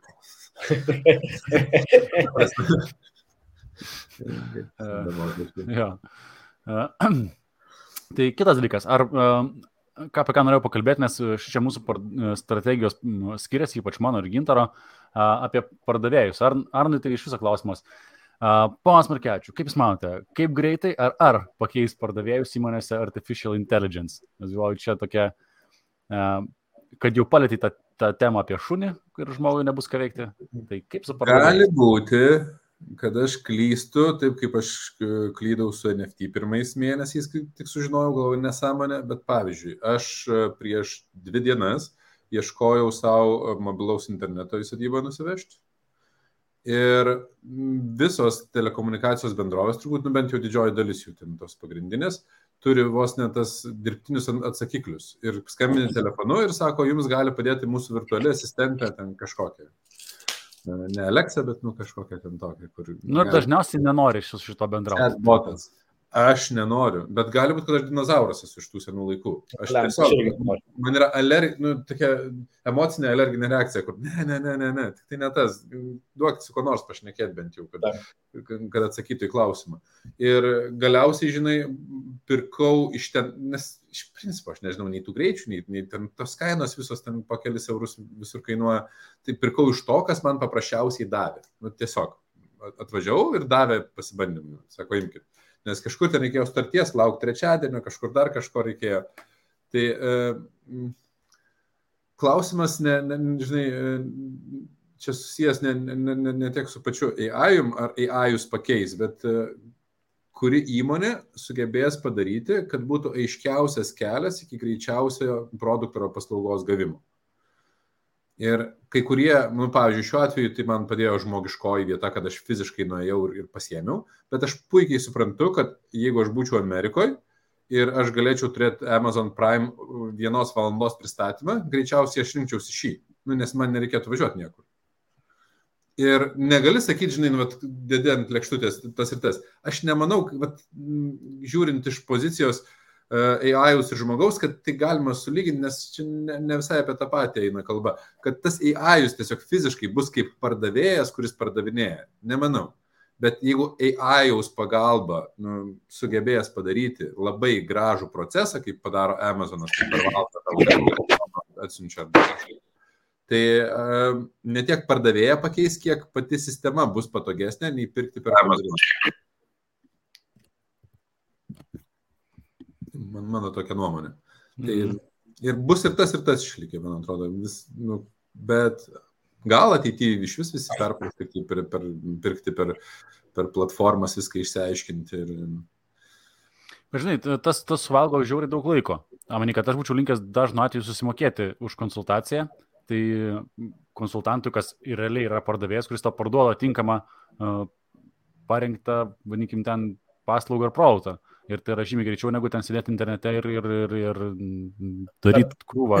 Bet tai gal ir, gal ir keisis viskas į tai, kad bus konsultantai, nebe pardavėjai, kurie yra iš principo vos ne nepriklausomi, nes gali pirkti, žinai, nu, ką reiškia nepriklausomi, ten gal jie, žinai, gaus komisą už kažko, nu, atkatus gaus dar kažką, bet, bet konsultantai, kurie uh, konsultuos tave apie tam tikras, nu, ten reikia elektros kažkokią laidą, nu, tu vos ne online prisijungi, pasikonsultuoji, kokio reikia, uh, jis tau ten linkus surenka, gal dar kažką padaro, žinai, jos ne iš skirtingų vietų Amazonė, nu, kažkas mm. tokio gal, bet čia, žinai, čia visiškai spekulacija minčių, kur lingaliai. Bet kol kas, dabartiniam artimiausiam, ten kokį penkių metų laikotarpį, aš visiškai nematau, kad pardavėjus keistų AI, nes kol kas yra labai nemalonus jausmas bendrauti su dirbtinio intelekto botu, arba jis nesupranta tavęs iki galo, tu net negali ant jo lyg ir pykti, nes ten nėra asmens jokio. Nu, toks... Jis tiesiog nesuprogramuotas, ne, viskas. Nors e, šiaip žiūrint, žinai, labai daug, bet kokiu atveju, e, par, Bet įdomu, žinai, kaip ta pardavėjo profesija. Jinai bus ta, kur nykstanti, ar ta, kur, žinai, tokia išliekanti. Nes pasižiūrėjus uh, pardavimus bendrai, Tai net ir, pažiūrėjau, gintaro procese pardavimų, kuris yra, vat, nu, top, top pardavėjas, sakyčiau, ten Europoje ir, ir pasaulyje, tai didelė dalį proceso yra automatizuoti marketingo funneliai, ten seminarai, landing page'ai, squeezai, mailingai, taip toliau ir panašiai. Ir ta pardavėjo rolė, žinai, jinai, jinai keičiasi, jinai tampa vis, uh, pavyzdžiui, dabar, jeigu paimsim tą patį gintarą, tavo darbas, ką darai, tai tu uh, skambučių dar darai gintarą ar nebedarai skambučių? Ne. Ką darai šitą pardavimą? A, būnu konsultacijose. Konsultuoja. Taip. Ir aš netgi sakyčiau, kad, bet, nu, nimkim ir gintarą, gerai, didžiaja dalimi gintaro konsultacija e, remiasi jo autoritetu ir nu, ži, kitų žiniomis, kad jisai žino. Taip. Tai yra, iš principo, tu esi e, influenceris. Yra lietuviškas žodis influenceriui, ar ne? Tikriausiai, nežinau, influenceris, tebūnė influenceris. Influen, influenceris. Ir, nu, viskas. Be aptarnavimą tikrai m, mm, turėtų pakeisti, m, mm, nu, tiesiog kažkokie procesai. Nebūtinai sakau, kad ten virtualus kažkoks. Nors aš dar prieš, palauk, prieš ketverius metus, dar prieš pandemiją, esu buvęs konferencijoje, kur kalbėjo, būtent buvo pagrindinė tema pardavimai, ar, ar žinai, e, juos pakeis dirbtinis intelektas ir apskritai technologijos ir pardavimai. Ir ten daug pranešimų buvo ir, ir vienas iš tokių e, gal įspūdingiausių, ką teko girdėti, kai girdi pokalbį, nu, įrašą paleidžia telefoninio pokalbio, kaip aptarnauja, ir tada spėjimas, e, gyvas žmogus ar ne. Nu, tai prasme, robotas. Ir jau prieš keturis metus atskirti buvo sunku, tai prasme, beveik neįmanoma, ar ten gyvas žmogus kalba robotas. Aš esu kalbėjęs valstijose, AT&T, man atrodo, skambinu, aš, aš, aš esu kalbėjęs su robotu ir irgi pačiai pradžiai nesupratau, kad su robotu kalbu, tik tai po kelių standartinių atsakymų supratau, kad ten yra jau. Ir nu, keista, nu, labai keista, bet kol kas sakau, yra psichologinis atstumimas. Aš manau, kad dar pakankamai laiko e, ir net tam tikrose vietose man net sunku suvokti, kaip dirbtinis intelektas galėtų pakeisti pardavėjus, nes pardavimuose, ypač tam tikrose sferose, o gal net sakyčiau praktiškai visose sferose, yra ryšys su klientu, kurį tu sukuri. Ir dažna atveju jisai perka ne tik tą kad ten geresnė kaina ar ten dar kažkas tai, bet ypač B2B seilose, tai nu, mažų mažiausiai, kas norėtų dirbti, bendrauti su dirbtiniu intelektu, nes tenais yra tiesiog dėl, dėl ryšio, dėl bendravimo su, žmo, su žmogum ir tie seni rusų bairiai, kur neišgerus tenais labai sunku būtų pardavimus padaryti, tai jie šio laikiniam pasaulyje daugeliu pardavimų yra nu, labai susiję. Tai kur žmonės nenori pirkti pirmą kartą iš matančio žmogaus, o tiesiog perka iš tą, kurį jau pažįsta dažniausiai, kuriuo pasitikė ir panašiai. Jo, mes netgi santykių su įmonėm turim per tam tikrus žmonės. Ir jau tas žmogus išeina, pakeičia įmonę, kartais mes gali būti, kad net patį brandą pakeisim, nu, ta prasme, pakeisim. Labai geri šitie prekiniai ženklai, tokie kaip ten, nu, paimtim tą patį Apple ar dar kažkas, tai jie tuo geri yra, kad jie ant savo uh, prekinio ženklo yra sukūrę e, lojalumą, o ne ant žmonių. Mažesnės įmonės dažnia, dažniausiai yra ne ant prekinio ženklo sukūrę, o ant žmonių ten esančių, kur tu esi susijęs. Kaip tai pasikeis ateityje, tai va, turbūt ir rodo tos didžiosios didžiosios įmonės. Ar viskas pereis į tokį globalinį vaizdą, kad visi pirks tik tai iš labai labai didelių, kažkaip nemanau, nes dabar yra toks e, žavesys pirkti iš kokio nors nišinio, nu, pavyzdžiui, ten perku duoną iš ten kažkokios juratės, kuri kepa panevežytą duoną ir, ir jau, ten, nu, ten juratės jau pakankamai didelis brandas gavosi, bet, bet, nu, savotiškai ieškai, kur ten nusipirkti kažko tokio, kur būtų. Kur nebūtum kaip masė. Taip. Kokį NFT nusipirkti. Duonos NFT, ne? Uh, o tai kokia tavo nuomonė, Žilma? Dėl pardavėjų? Aš, žinai, aš manau, kad uh, top segmente, tarsi brangių prekių segmente, artificial intelligence, nu, net, nu, nemanau, kad turės šansų.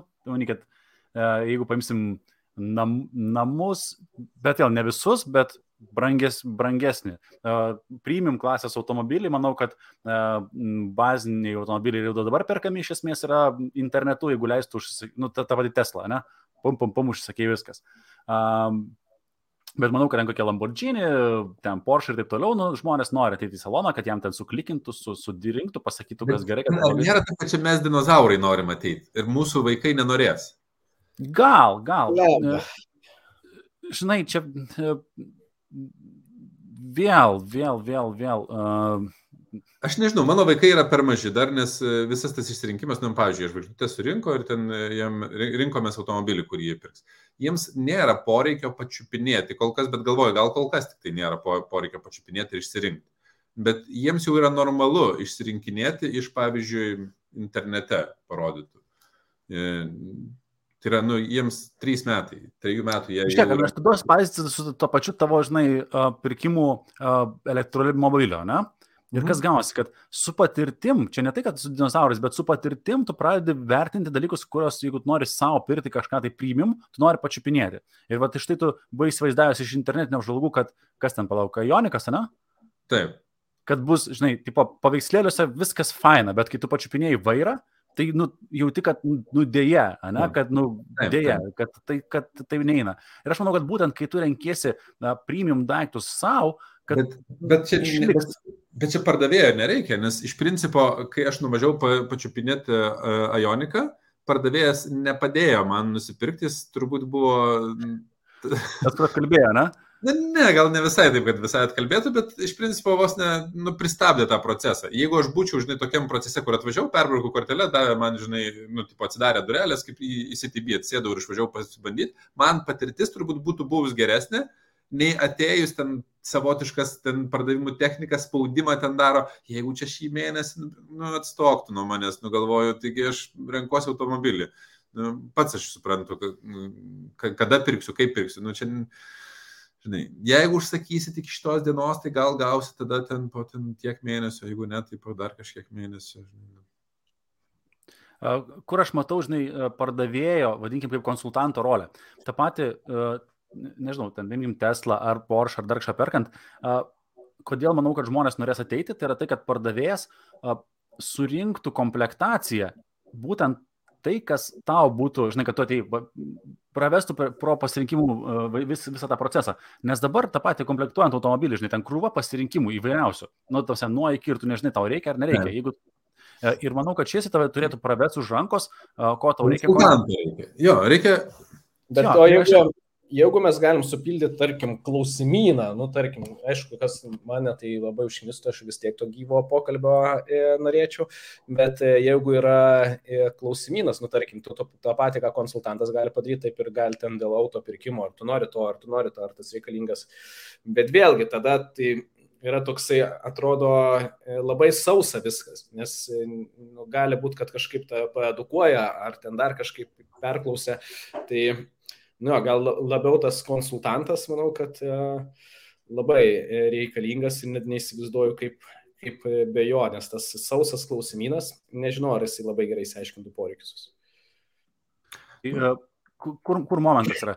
E, sakau, premium segmente žmonės tiesiog norės, kad už juos padarytų tam tikrą darbą. Ir dabar, pavyzdžiui, net ir būnant ant Porsche grupėse, yra žmonės, kurie ima už Porsche pirkimo konsultaciją pinigus, kad tau padėtų sukomplektuoti kokį nusipirkti naują nu, reiškia, nu, tie, kas ten išbandė, žino ir taip toliau panašiai. Tai uh, aš manau, kad ten premium segmente pardavėjai išliks ir, ir juos, vadinkim taip, ilgainiui vis labiau vertins uh, dėl to, kad jie turės tam tikros srities, pakankamai ne, neplačios, E, labai aukštas kompetencijas. Tikrai puikiai išmanys tą savo sritį. Pavyzdžiui, tas pats gintaras nevertinamas yra pardavėjas dėl to, kad jis savo saliginai, žinai, tai yra platis sritis, bet yra investicijos iš ją labai labai giliai išmano, žinai, ir gali na, atlikti tą paslaugą. Ir dėl to tas pardavėjas tampa tokiu labiau konsultantu, už kurio paslaugą net žmonės yra linkę susimokėti, nes tai kainuoja pačiam susirinkti na, tas žinias būtent toj srityje, tiesiog kainuoja per daug laiko. Dabar išmanyti, tarkim, stataisi namą, žinai, e, kas, nu, puikiai suprantat, kad yra, nu, insane problema didelė. Ten pradėti nuo sklypo ir tu esi linkęs susimokėti specialistui, kad tau sudėliotų visą kitą, plus, žinai, krūvos dalykų, aš net nežinau, kad egzistuoja. Ten, pažiūrėjau, priglaistomos ventiliacinės angos, kas yra labai gražu, aš net nežinau, kad tokios egzistuoja ir dėl to pas mane jų nėra. Dabar biškai. Bet, na taip, bet čia, ne, bet čia eina kalba ne apie pardavėją, čia eina apie konsultantą, apie kokybės vadovą, apie dar Tai va, būtent, žinai, tas pardavėjas, jisai turės interesą parduoti prekes ar, ar paslaugas, jis gaus už tai savo atlyginimą, bet, e, žinai, manau, saugu, turėtų visai kito lygio tas žmogus tapti. Nebe tai, kad parduoti tik tai tą, kas, kas pas tavęs sandėliuk yra, bet globaliai suprasti tą savo sritį ir išrinkti taugi, nu, tas pats automobilis, Deals on Wheels, ne, paimkim. Tai nu, jie yra pardavėjai, kaip ten bebūtų, jie pardavinėja automobilius, bet kaip jie žiūri savo darbą, tai reiškia, tu atėjai savo poreikiu ir sako, e, žmogau, mes tau padėsim išsirinkti, ką tau reikia važinėti, su kuo važinėti ir net surasime, kad būtų taip už reasonable kainą, už, už nu, tarsi, tinkamą, uh, kad tu gautum gerą servisą. Tad aš manau, kad va, tai judės į tokį segmentą. Ta, tas pats statybų sektorius. Pavyzdžiui, na, žiūrėk, konkretus Dilson Wheels pavyzdys. Aš ieškodamas Teslos bandžiau kreiptis į Dilson Wheels ir man nepavyko su jais susisiekti. Tiesiog elementariai. Ten nekėlė ragelio, neperskambino, ai galvoju, tiek to, ne dar po to atsirado ten kitas automobilis ir jau nusipirkau. Bet pagrindinis dalykas yra patogumas. Jeigu nesugeb, na, nu, aš suprantu, jie turi, čia jie, gal, jam gal nesu aš didelis praradimas dėl to, bet, bet tiesiog, e, jeigu kažkas nepakėlė ragelio, neperskambino laiku, mes ant tiek nekantrus esam pasidarę, kad mums reikia kuo greičiau gauti atsakymus ir jeigu tai gali pateikti greičiau žmogus, mes eisim pas žmogų. Jeigu gali greičiau parodyti internete tinklapis arba bet kas, greičiausiai mes nu, ieškosim. Tik tiek, kad mums dar yra neįprasta ieškoti per botus arba per dirbtinį intelektą. Gal bus, gal taps įprasta. O šiaip, žiūrint į pardavimus, aš, nu, yra du kraštutinumai. Vienas yra transakciniai klientai, kurie perka, nu, nes jau viską yra išsiaiškinę, kitas yra konsultaciniai klientai, kuriems reikia viską paaiškinti. Tai konsultaciniams klientams, bet be jokios abejonės reikės konsultacijų ir ar tai bus konsultantai išoriniai ar pardavėjai, tai mm, vis tiek jie turės būti. Ir e, tų pardavėjų e, vis tiek kažkokiose srityse kažkurį laiką tikrai išliks. Ar išnyks apskritai, abejoju. Nu, ta prasme, kažkurioms sritims vis tiek reikės konsultacijos. Nu, gal, galų gale, e, į kurią meta, e, metaversą, į kurį eiti, žinai, e, pasinėti. Kokį NFT išsirinkti, na? Jo, kokį, žinai, ten nu, kažkas vis tiek konsultuos. Nes ir dabar, ką mes darom, žiūrėdami visokius YouTube video, podcastus, klausydami dar kažko, tai mes ieškom informacijos. Klausom, mums galbūt yra įdomu, bet savotiškai tai daro įtaką mums, influenceriai. O kažkas gali turėti tą informaciją ir pagreitinti tiesiog procesus ženkliai. Tai va, tai man atrodo, pardavėjai dabar arba renkiesi pardavėją, arba mokė atlyginimą konsultantui už tai, kad tai taupo tavo laiką. Labai, aš manau, kad čia yra labai fair trade, ta prasme, kad iš esmės tu taupai laiką.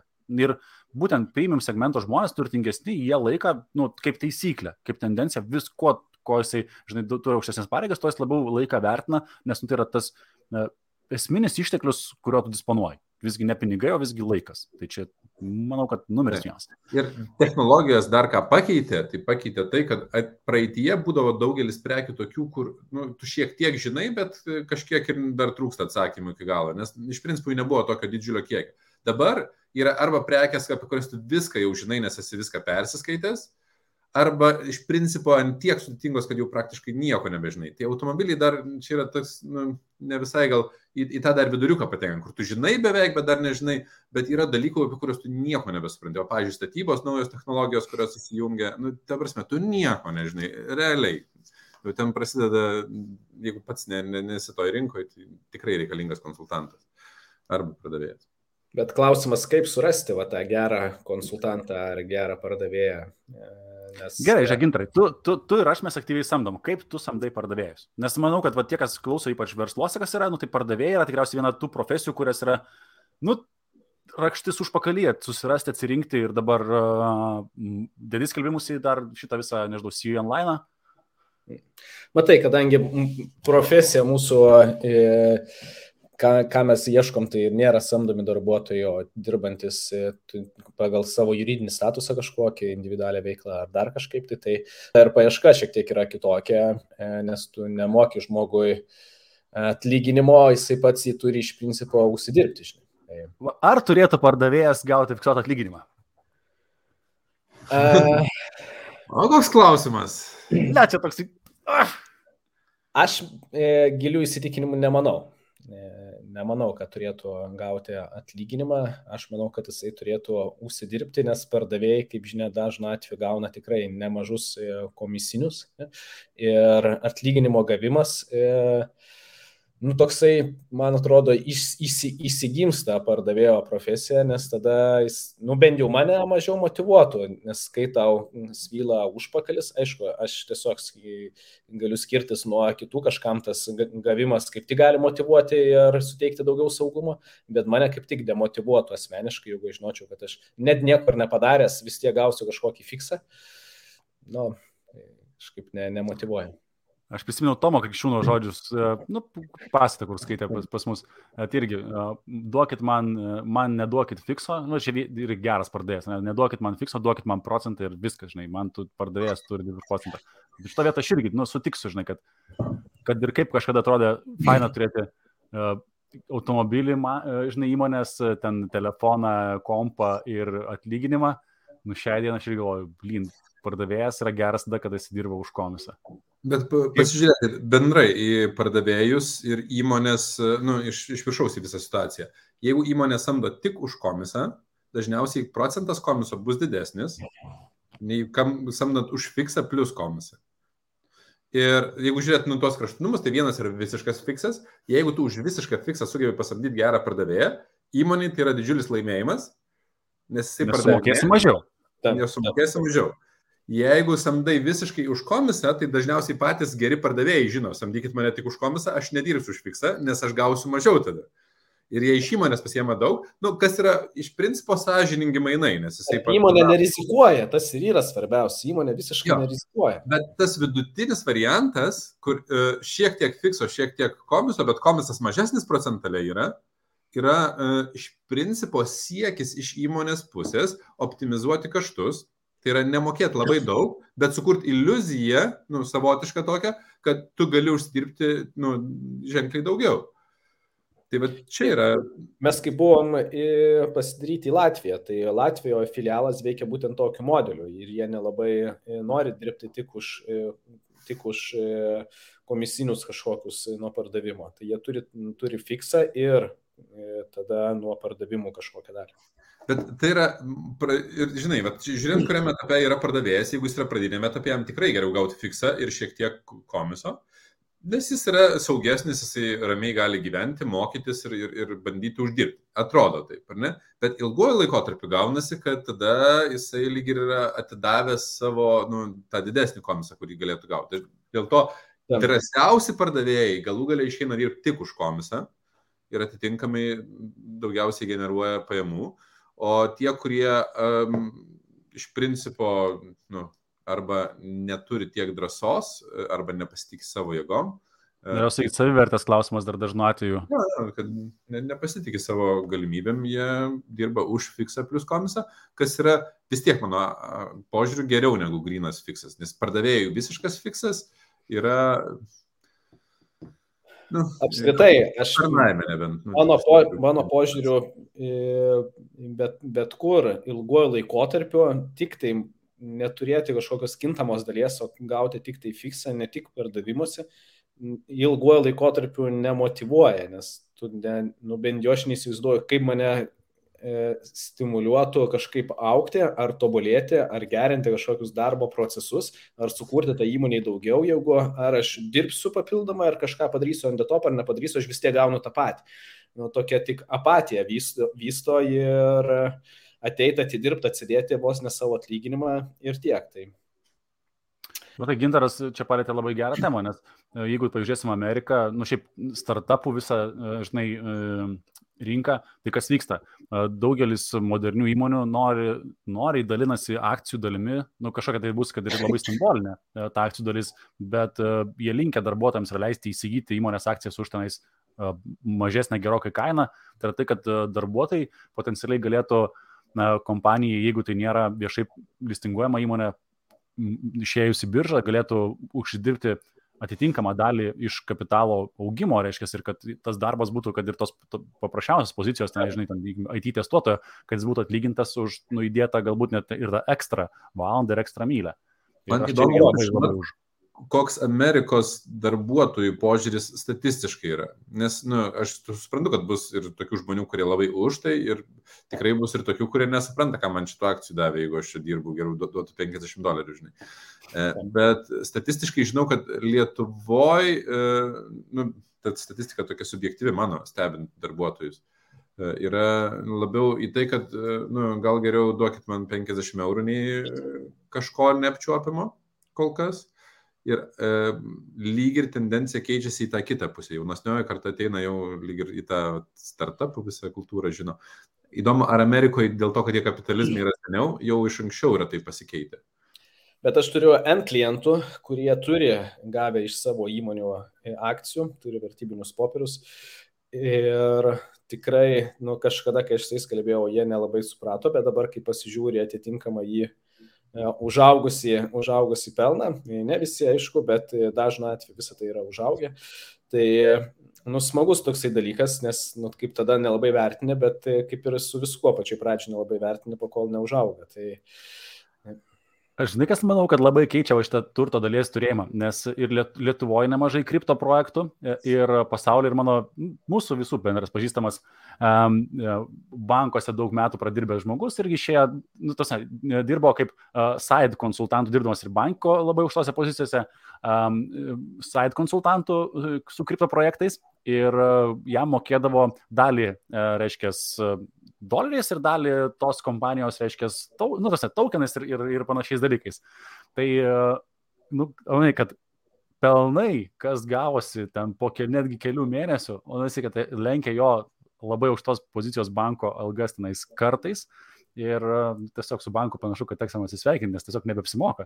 Žinai, kad būtent kai tu konsultuoji projektus, kurie tau atsiskaitinėja savo tokenais, jeigu tu gerai konsultuoji, tu inside, žinai, nu, tos tu žinai, kas ten vyksta, Tai nu, vėlgi, tu gali palaikyti ten galbūt metus ar kelis mėnesius ir turėti nu, nedekvačiai didelį atlyginimą už savo laiką. Bet čia pastebė, kad čia yra bull marketas dabar. A, be abejo, be abejo, be abejo. Ir markete taip smarkiai netrodytų ir taip gerai. Ne. Gal dėl to žmonės ir vertina tą, kad e, verčiau žvirblis rankoje, nei ten briedis gyriuje, va aš tą PM ar 100 eurų gavau, tai kažką galiu su juo padaryti, išleisiu, o pas mus, kaip ir kalbėjome, edukacija dar gan e, žemam lygyje finansinė apskritai apie investicijas, jinai dabar po truputį auga, kas yra džiugu ir žmonės kažkaip e, labiau vertina tai, ką turi dabar, o ne tai, ką gali ilguoju laikotarpiu padaryti su pinigais. Bet infliacija dabartinė keičia kardinaliai žmonių pokytį, požiūrį ir vis daugiau ir daugiau aš pastebiu, kad netgi tie, kurie laikė kardinaliai pinigus ir buvo net iš mano klientų konservatyvus, aš vis dažniau sulaukiu laiškų ir, ir skambučių, kur, okei, okay, pinigai jau man per skausminga, kai jie dega, kur galim bent jau įdarbinti ir, ir prasideda įdarbinimas tikrai nebe taip, kad konservatyviai, kad ten, žinai, indėlį padėti ar dar kažką, bet e, tikrai susidomėjimas yra e, padidėjęs.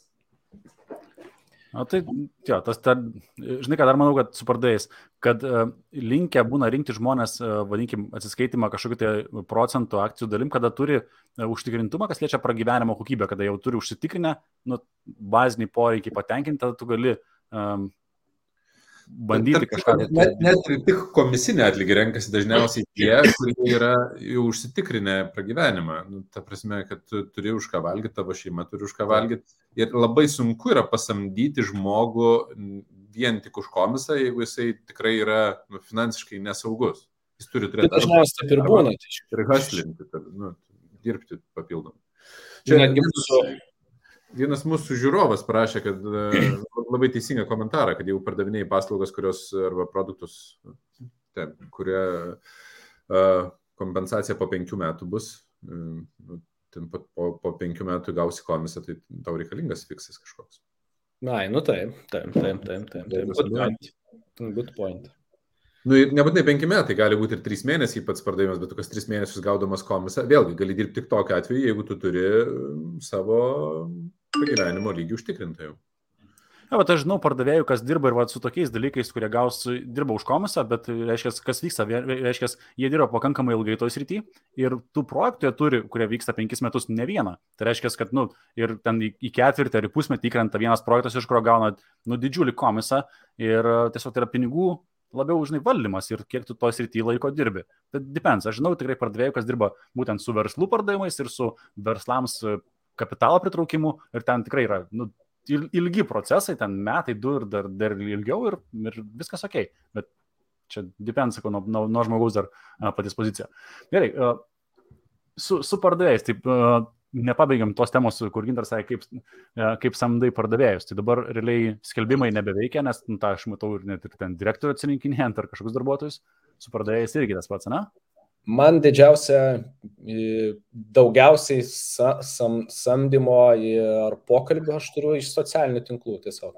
E, tai yra vėlgi, ką mes kalbėjom, tai kai nurodai, kaip vyksta ta karjera, arba tu kalbė apie tą karjerą, e, pasakoji, kaip atrodo tas e, verslas, kaip atrodo tas darbas ir tokiu atveju e, žmonės mato, kaip tau sekasi ir tuo pačiu nori būti viso to dalimi ir irgi mokytis. Ir aš tokiu atveju, nešo Karolina asistentė mano, tai darosi pirminius, pirminės atrankas su kandidatais, e, kurie nori e, jungtis į, į karjerą.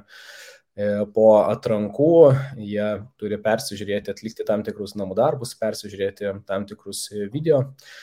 Ir po video peržiūrėjimo vėlgi yra kontroliniai klausimai atitinkami ir tik po viso šito proceso su atrinktais kandidatais sustinku aš asmeniškai E, arba gyvai, arba online. E, ir nu, tada jau darausi e, pats atrankos pokalbį ir žiūriu, stengiuosi dažnu atveju iš esmės atkalbėti kandidatą ir parodyti ne iš gražiosios pusės, kaip atrodo tas verslas, nes dažniausiai mano klaida, kokią anksčiau darydavau, tai E, pieždavau, kaip čia viskas bus e, faina ir kad čia nebus jokių iššūkių ir kad čia viskas bus lengva ir, ir, ir, ir panašiai, bet e, kas yra tiesa, jeigu tu iš principo dirbi ir pasiryšti dirbti ir įdėsi e, pakankamai valandų, bet e, dažnai žmonės, e, kadangi, pas kaip ir sakau, pas mus nėra kažkokio fikso, e, dažnai žmonės ateina iš dar, darbų, ne, iš samdomų darbų ir perina dirbti iš esmės ant savęs arba papildomai dirba ant savęs ir savarankiškai dirbančių žmonių e, nėra daug ir jie vis pirmą kartą būna susiduria su tuo, kad jiems reikia planuoti savo, planuoti savo laiką, planuotis savo kalendorių, planuotis atitinkamai darbus, nestovi jam tenais e, su batagu niekas nemojuoja ir reikia išmokti atitinkamai tuos procesus ir, ir tai kardinaliai skiriasi dažno atveju nuo samdomo darbo ir dėl to e, dažno atveju aš nors ir papasakoju visą tai, bet e, nemaža žmonių dalis vis tiek, e, su nemaža žmonių dalim vis tiek tenka atsisveikinti, tai Vat. O atsirinkti žmonės tada keliauja pas mus į, į mokymus, kur jau vėlgi šiuo atveju E, prižiūrimas, e, prižiūrimas Brigitos yra visą mėnesį laiko, tai visą mokymosi procesą dirbama su tuo žmogum, e, kad jisai įgytų pirminius bazinius, pirminius bazinius įgūdžius, kitaip sakant, išmoktų bazinius dalykus. Ir tokiu atveju po mėnesio laiko, jeigu jisai mėnesį tinkamai atsimokė, išmoko bazinius dalykus, aš su juo pasirašau bendradarbiavimo sutartį ir pradedu darbuotis, keliuosi tikslus. Kiek nepraleidi pardavėjų, kurie ateina į pokalbius? Nuo pirminės, e, nuo pirminės, e, pirminio, pirminio pačio bendravimo kažkur lieka 20 procentų. Na, okay. nu, mano, žinai, mano šitą vietą strategija, tu žinai, kad aš tai labiau esu linkęs atidaryti duris. Tie, ir... kurie ateina, tie, kurie ateina iki, iki manęs jau, su kuriais turiu pokalbį, ne, tai iš esmės, e, jeigu dešimt kandidatų turiu, tikėtina, kad nepraleisiu nuo vieno iki dviejų, nes dažniausiai jie jau nu, atkrenta eigoje, bet jeigu jau ateina iki pokalbio, tai daugiau mažiau viskas būna e, su jais ok, e, nebent man kažkas netinka arba pačiam žmogui pasikalbėjus aiškiau, jam kažkas e, atitinkamai netinka. Čia iki, dabar, čia iki dabar gintarai, nes dabar kai taip pasakei, tai visi tos žingsnius jau atliks, galvos, ai, čia, čia tie žingsniai. dabar aš žinau, ką reikia daryti, ar ne? Ja, man tai įdomu, ar jeigu aš tai būčiau daręs tau, ar būtum atėjęs į Capital? Aš manau, kad jo. E... Ką tu dabar pasakysi? e... Niekada nežinosim. Niekada jo. Neaišku, matai, tuo metu ir tuo metu nelabai galima buvo ir padaryti kitaip. Ta prasme, tuo metu mes neturėjom nei ten kažkokiu 2014 metais, nei ten kažkokio atrankos procesų kosminių, nei e, apskritai e, mokymosi ten mėnesio e, ar apskritai mokymų sistemos tokios išvystytos. Tuo metu buvo kitaip, žinai, ir aš manau, kad tiesiog mano tas didelis noras, jeigu pardavėjas, vat, konsultantas turi didelį norą, tai lab, nu, ta vadinamoji ninja, ne, tai tu jam kuo mažiau kiškis ir jisai viską tenais e, padarys. Tu gali jį tenais pareguliuoti, kad nenueitų šunkeliais atitinkamai. Bet tokių žmonių pardavėjų, kurie būtų alkani ar turėtų kažkokį skausmą, aš sutinku tikrai ne per daugiausiai. Dažniausiai tiesiog... Čia kas gaunasi, kad ko aš truputėlį prisibijau, kad uh, Taip, bet rinkinėdamas pardavėją, nu tiek daug įdėdamas, kad jis turi tiek padaryti užduočių, atrankų, ten tralelė ir taip toliau. Ar nėra taip, kad, žinai, geras pardavėjas sakytų, blin, aš čia turiu pasiūlymų krūvą, ką man eiti pas tave, jeigu čia mane drožia jau nuo pirmos dienos, aš vis tiek dirbsiu už procentą. Tai kokio velnio jūs, žinai, kabinėjęs? Man svarbiausia, kad aš, žinai, jūs neprisimat rizikos. Um, kad man reikės mokėti. Aš kaip suprantu, kad kai, kai tu mokė atlyginimą fiksą, apie ką mes kalbėjom, tada taip, tu turi tenais išanalizuoti visą kitą. Šitoje vietoje, kad mūsų verslai dažnai atrodo, kad, nu, kodėl ne, tai imk, va, daryk. Tai man labai gaila savo laiko. Dirbsi, nedarysi, ne, ne, neuždirbsi, žinai. Labai gaila savo laiko e, dirbti su žmonėm, kurie atiduoti save, nes, nu, matai, mūsų verslas šiek tiek skiriasi nuo ten, e, Tuo aš, pavyzdžiui, dirbdamas su žmogum, pačioj pradžioj pasakau jam, e, kad mano tikslas, kaip įmanoma per trumpesnį laikotarpį, padaryti taip, kad viskas, kas yra mano galvoje, nukeliautų į tavo galvą, kad kaip įmanoma per trumpesnį laiką taptum geresnis už mane ko retai sutiksi verslė, kad ateitų įmonės e, savininkas ar ten vadovas kažkokios ir sakytų darbuotojai, aš noriu, kad užimtų mano vietą nu, taip nevyksta, dažniausiai nesidalini, tu tenais paslaptimis to, tos pozicijos, nes bijai prarasti savo kėdę. Mūsų verslai yra šiek tiek kitaip viskas. Ir šito vietoje man dalintis visų savo know-how ir investuoti savo laiką į žmogų, kuris ten po mėnesio dviejų iškris ir neatsirinkti jo. E, ir ne, nu, nepastyti tos didesnės atrankos atrodo per brangų tiesiog e, ir aš verčiau šiek tiek painvestuoju laiko pačioj pradžioj, bet sutaupau jo ilguoju laikotarpiu, negu įimu absoliučiai kiekvieną norinti ir skirstau tą savo laiką ir tada toksai šūdas. O man atrodo, kad, nu ką, turim viską praškai online, viskas video sudėta, tu, žinai, darai duris, sakai, va, prašau, yra čeklistas, ką turi padaryti go, žinai, pasimatysim po, po metų, kai jau bus turtingas. Ja, prieinam, prie to, prieinam prie to, kad savarankiškai dirbančių žmonių yra labai labai nedaug, o tuos, kuriuos tu gali išgaidinti ir prižiūrint, išmokyti visų tų procesų ir dirbti savarankiškai yra tikrai nemažai, kaip plastelina tu gali išminkyti. E, o jeigu tu įmeti jį į sistemą, jisai nemoka naudotis tą sistemą arba nemoka mokytis dar, nemoka planuoti savo laiko, tai tokia atveju tiesiog išlieka tik stipriausi, išlieka tik tokie kaip pocūna, žinai. Puf, žinai va. Pasamdytas, varyk daryti, po penkių metų. Padam. Tu, tu šneki su ta sąlyga, kad yra viskas online, visa mokymų sistema, nu, internete, o jeigu yra įmonė, kuri turi, nu, neturi tokių resursų, kur būtų viskas internete ir samdo nu, pardavėją. Nu, gerai, triple O, kaip jūs samdot? Samdot pardavėjus ar nesamdot? Samdom. Ir, ja, ir visai nesamdom. Ir didžiulė atranka yra daroma dėl to, kad pirmas dalykas yra mokamas ir fiksas, Mhm. Nes e, tu negali samdyti tik už komisą, nes yra bet būtent e, pakankamai netrumpas kelias iki pirmųjų pardavimų normalių, nu, nes yra užmesgymas su, su klientais e, ryšio. Ir aš sakyčiau, kad čia pasiteisina kažkada girdėta business master idėja, kad geri pardavėjai yra surandami ir mokomi tada. Tai yra, mes vis dėlto ieškom žmogaus, kuris būtų uh,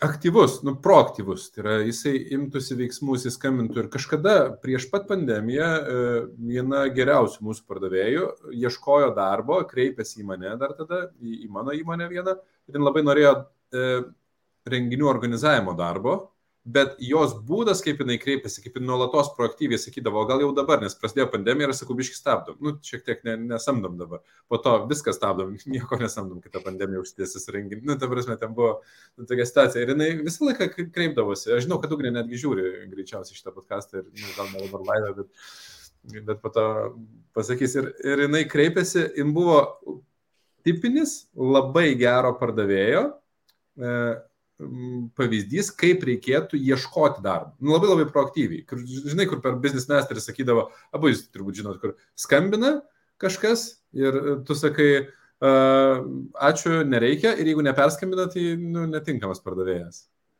Tai va čia buvo, nu, aš tik tai tiek, kad ten ne, nebuvo, kad grubiai sakyčiau, ačiū, nereikia, bet tiesiog nu, buvo pandemija ir, ir jinai ieškojo darbo ir galų gale mums pas mus atsirado pozicija pardavimuose Ir tada jūs te paskambino vadovė, sako, gal nori. Ir jinai sako, gerai, nu, nes norėjo, norėjo mūsų kompanija tai dirbti. Ir jinai geriausiai performanti, nu, geriausiai, geriausius rezultatus rodanti pardavėja mūsų yra. Nice. Tai yra, žinai, bet, bet ir va čia, žinai, nėra taip, kad vien tik tai pasamdžius, aš manau, kad labai didelis darbas yra ir jūs tiesiog jinai padeda ir, ir rodo visą tą kelią, kaip ir ką daryti. Bet pats samdymas reikalauja atrankos, kad ateitų tinkamo tipožo žmogus, jeigu norim pakankamai greitų rezultatų. Aš manau, kad visi, visi gali išmokti pardavinėti, kai kurie rezultatai pasirodys, nu, po, mes patys puikiai žinom, kartais po dviejų metų, po trejų metų. Ir tikrai ne visos įmonės ir ne visos pozicijos yra pasiryžusios ir gali laukti tiek laiko.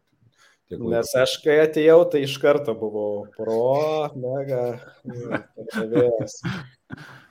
Matai, ka, kas pas tave buvo ir kas tebėra, tai reiškia, dažnai pasitikėjimas savim ir nu, drąsa, vadinkim, iš tos pusės, kad varyt, daryt ir, nu, ir kitas dalykas dar buvo, tau nebuvo kur dėtis, tau reikėjo, žinai. Tai ir, ir, ir Na, taip pat kaip ir, nežinau, gal dar man yra, nu kažkada, tai tiesiog ta, ta galimybė, kuri mums buvo suteikta, ten iš iš FNG kažkada atrodė nuvelnės, tokia galimybė, kur negali pramegoti ir tiesiog nu turi daryti, nes, žinai, once in a lifetime.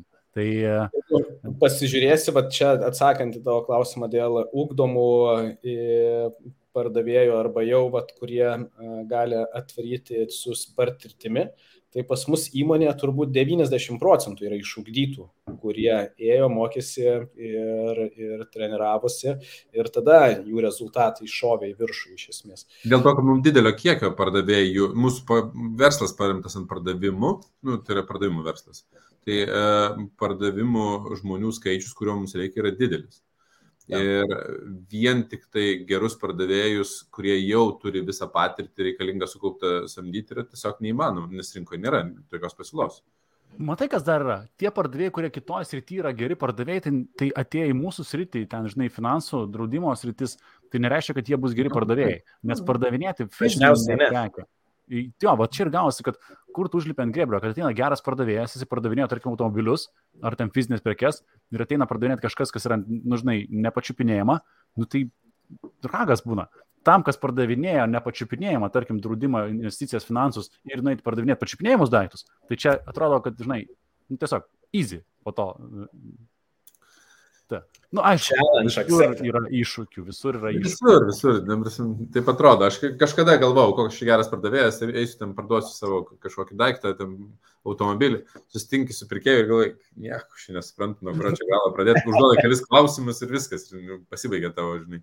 Nu, tu apie mašinas nelabai ten ką, žinai, tai ką ten parduosi, tai net tavo sritis. O klausyk, Karnai, kiek, kiek, kiek mes dabar su Arnu apie mašiną suprantam, tai yra kokių 200 procentų daugiau negu prieš metus suprato. Kokie 200, Arnai 2000 procentų daugiau supranta dabar.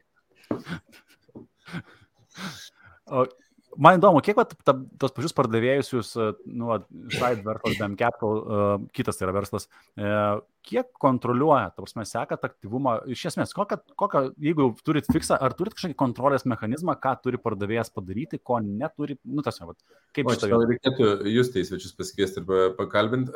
Aš esu vienu klausimu pakankamai prastas, aš esu prastas vadovas, tą supratau pakankamai po ilgo laiko vadovauti viskam. Tai e, aš pats ne, neturiu to nuoseklumo, nei stebėti, nei... Nu, tai, man tai yra sunku daryti, tiksliau, aš galiu tą daryti, bet man, man sunku tą daryti, dėl to aš stengiuosi viską deleguoti iš tokių darbų. Tai vat, juste uh, tvarkosi, kiek aš žinau, tai kad tikrai yra progreso rodikliai KPIs, kuriuos stebi. Uh, aš žinau, kad yra susitikimai nuolatiniai su vadovu, aš žinau, kad uh, tas procesas yra sudėliotas pakankamai aiškus. Bet e, papasakot neturiu pakankamai žinių. Nu, taip, nėra taip pat, kad aš jau tame su visom keturiom. Kalbant apie e, pardavimus, aš vad ką dar pamenu per e, atranką jau tą galutinę, kad, sakau, mūsų versle nėra pasiseks ar nepasiseks. Apskritai pardavimuose aš ne, nežinau tokio dalyko pasiseks ar nepasiseks. Man atrodo, arba įdėtas darbas, tam tikras aktyvumas, kurį tu turi padaryti, tam tikras darbų kiekis, kad sukurtum kažkokį rezultatą. Nes dažniausiai pardavimas yra kaip, nu tiesiog, turi būti kažkoks tai E, ne kiekis, kad gautum taip, nu vėlgi kažkokia imtis e, skaičių, kurią tu turi stebėti ir stebėti tinkamai konversijas. Tai aš visą laiką sakau, neturėjau žmogaus, su kuriuo pradėčiau dirbti, kad jisai e, netaptų sėkmingu, jeigu jisai dirbo nu, ir darė tinkamus dalykus. Nes jeigu tu stebi konversijas pardavimuose, tu aiškiai matai, kad iš 10 skambučių turėjo ten, e, yra atitinkamas kiekis ten sustikimų, ne, iš sustikimų ten keliauja ten į dar kažkokius antrus sustikimus, po to galbūt į pardavimus ir panašiai, nu, priklausomai ten nuo skirtingų modelių pardavimų. Jeigu akivaizdu, kad e, jo konversija nėra gera, tai vadinasi, arba jis netinkamiem žmonėms skambina, arba jisai e, e, prastą skriptą ten naudoja. Tu labai teisingai išneki gintarai, kad iš principo neįmanoma gerinti dalykų, kurių tu nematuoji. Ta. Ir progreso rodiklių matavimas, KPIs, kitaip dažnai vartojamas trumpinys, yra būtinybė pardavimuose, jeigu mes norim, kad jie gerėtų. Ta. Tai prasme, aš neįsivaizduoju, kaip galima dirbti ir sistemiškai gerinti pardavimo procesą, nematuojant, nes tu, tu subjektyviai tai suvoks. Už, už, už iš tom akim šauda į taikinį, kur... Nu, nesąmonė bus. Taip. Bet tai aš žinau, kad pavieniai atvejai yra, kur žmonės ateina, neturi jokių progreso rodiklių, nieko, bet yra unikaliai geri pardavėjai. Bet tai yra, na, kaip, ne, nesisteminis požiūris, tu negali to nei atkartoti, nei po to išmokinti kitų, nu, tai yra tiesiog tokie Bet ir labai sunku matuoti tada kažkokius rezultatus ar planuotis. Blem, aš net sakau, ne, e, neįsiv, neįsivaizduoju, kaip, kaip nestebint skaičių galima būti labai gerų pardavimuose arba duplikuoti visą tai, arba gerinti asmeniškai savo procesus ir e, atitinkamai keltis aukštesnius tikslus, nes, nu, tokia, kiek išėjo, tiek padarai, nu, toksai, nežinau, nelogiška.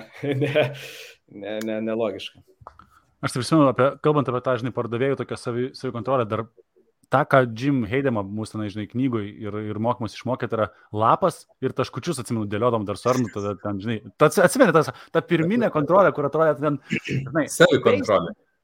Savi, savikontrolė, mes turėjom tokį, žinai, nu, vizualiai šnekant, turėjom lapą, kuriame skam, tiesiog mėnesio ar ten savaitę, mėnesio dienos ir taškučiai mhm. viršų, žinai, stulpelis, kiek skambučių padarai, po to kiek susitikimų, kiek kiek pardavimų ir, ir, ir, ir, ir rekomendacijų, turi tokie. Ja. Grafikai tokie piešiasi. Ir e, ta prasme, wow, mani, kad ten tų taškelių ties skambučiais būdavo berots 10.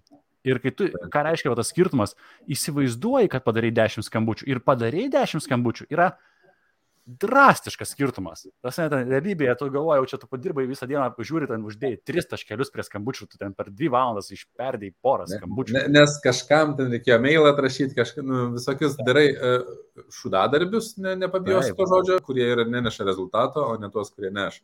Dėl to konsultantų stebėjimo e, aktyvumo jų lentelėje įtraukiau dar vieną rodiklį, tai yra sąžiningos darbo valandos nes e, pastebėjau labai dažnai, kad... E, Ar sąžininkai pildo?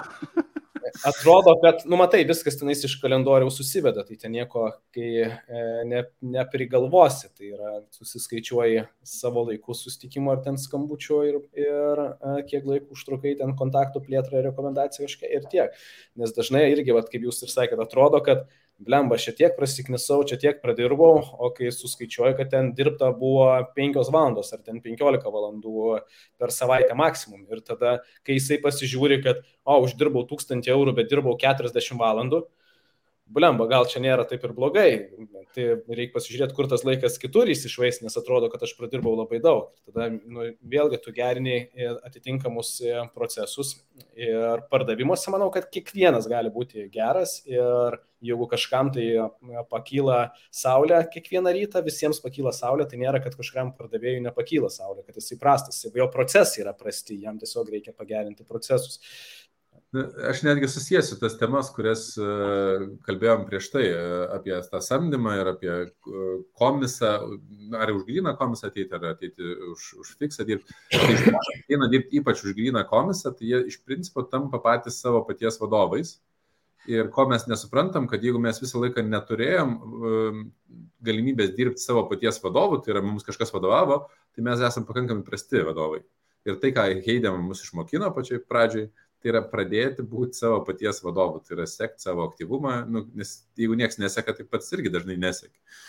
Tai jeigu jūs dirbat savarankiškai, tai e, pasistengkite tapti geresniais savo pačių vadovais. O jeigu samdot, tai aš sakyčiau, kad e, samdydami nepamirškit, kad po to tam pardavėjui reikia vadovauti. Ne dėl to, kad e, žinai, kartais atrodo su žeminimu, kad reikia vadovauti tam, kad, kad jisai, bet tiesiog tam, kad pagerinti jo rezultatus. Žmonės... Inspektinti gal labiau, patik, tikrinti, jo. tikrinti. Aš esu vis dėlto už tai, ta prasme, kai man, kai aš darau kažkokį projektą ir yra geras vadovas, aš projektą padarau geriau, sklandžiau, nei kai uh, nėra gero vadovo. Arba jeigu aš žinau, kad aš pats jam vadovauju, nu, tai reiškia, kad aš turiu būti tas geras vadovas. Ir visą laiką labai aiškiai reikia suvokti, kur ta atsakomybė yra ir kas galų gale pap, nu, papušina, paspausta ar papinginis.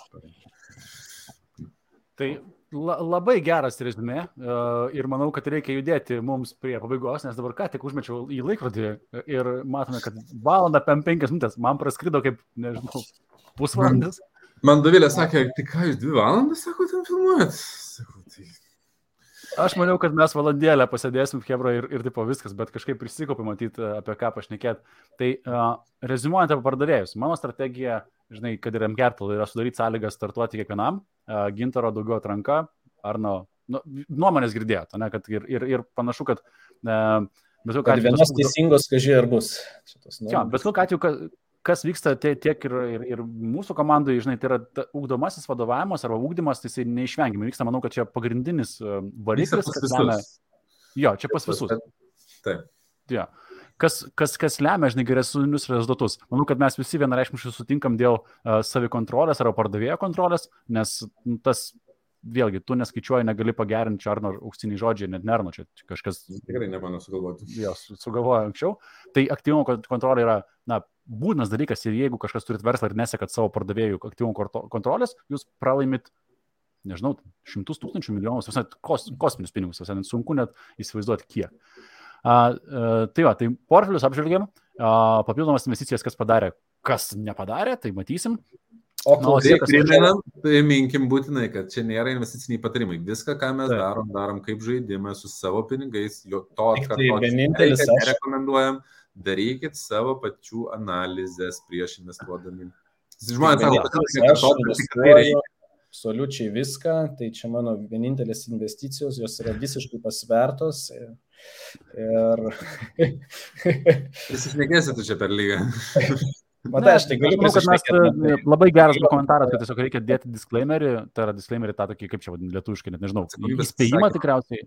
Jo, kad atsakomybės tą atsisakymą, kad mes neprisimam ir viskas, kad tiesiog čia yra, tai yra pramoginis turinys, Hebra podcast, čia kas jūs rašė, baigit iš tuščių keurą pilsit, žiūrėkit, čia yra pramoginis turinys. Tai, tai uh, tai ir darom dėl to, kad mums smagu pasikalbėti, o tie, kas nori prisijungti prie mūsų pokalbio, welcome, tiesiog sudarom sąlygas ir viskas.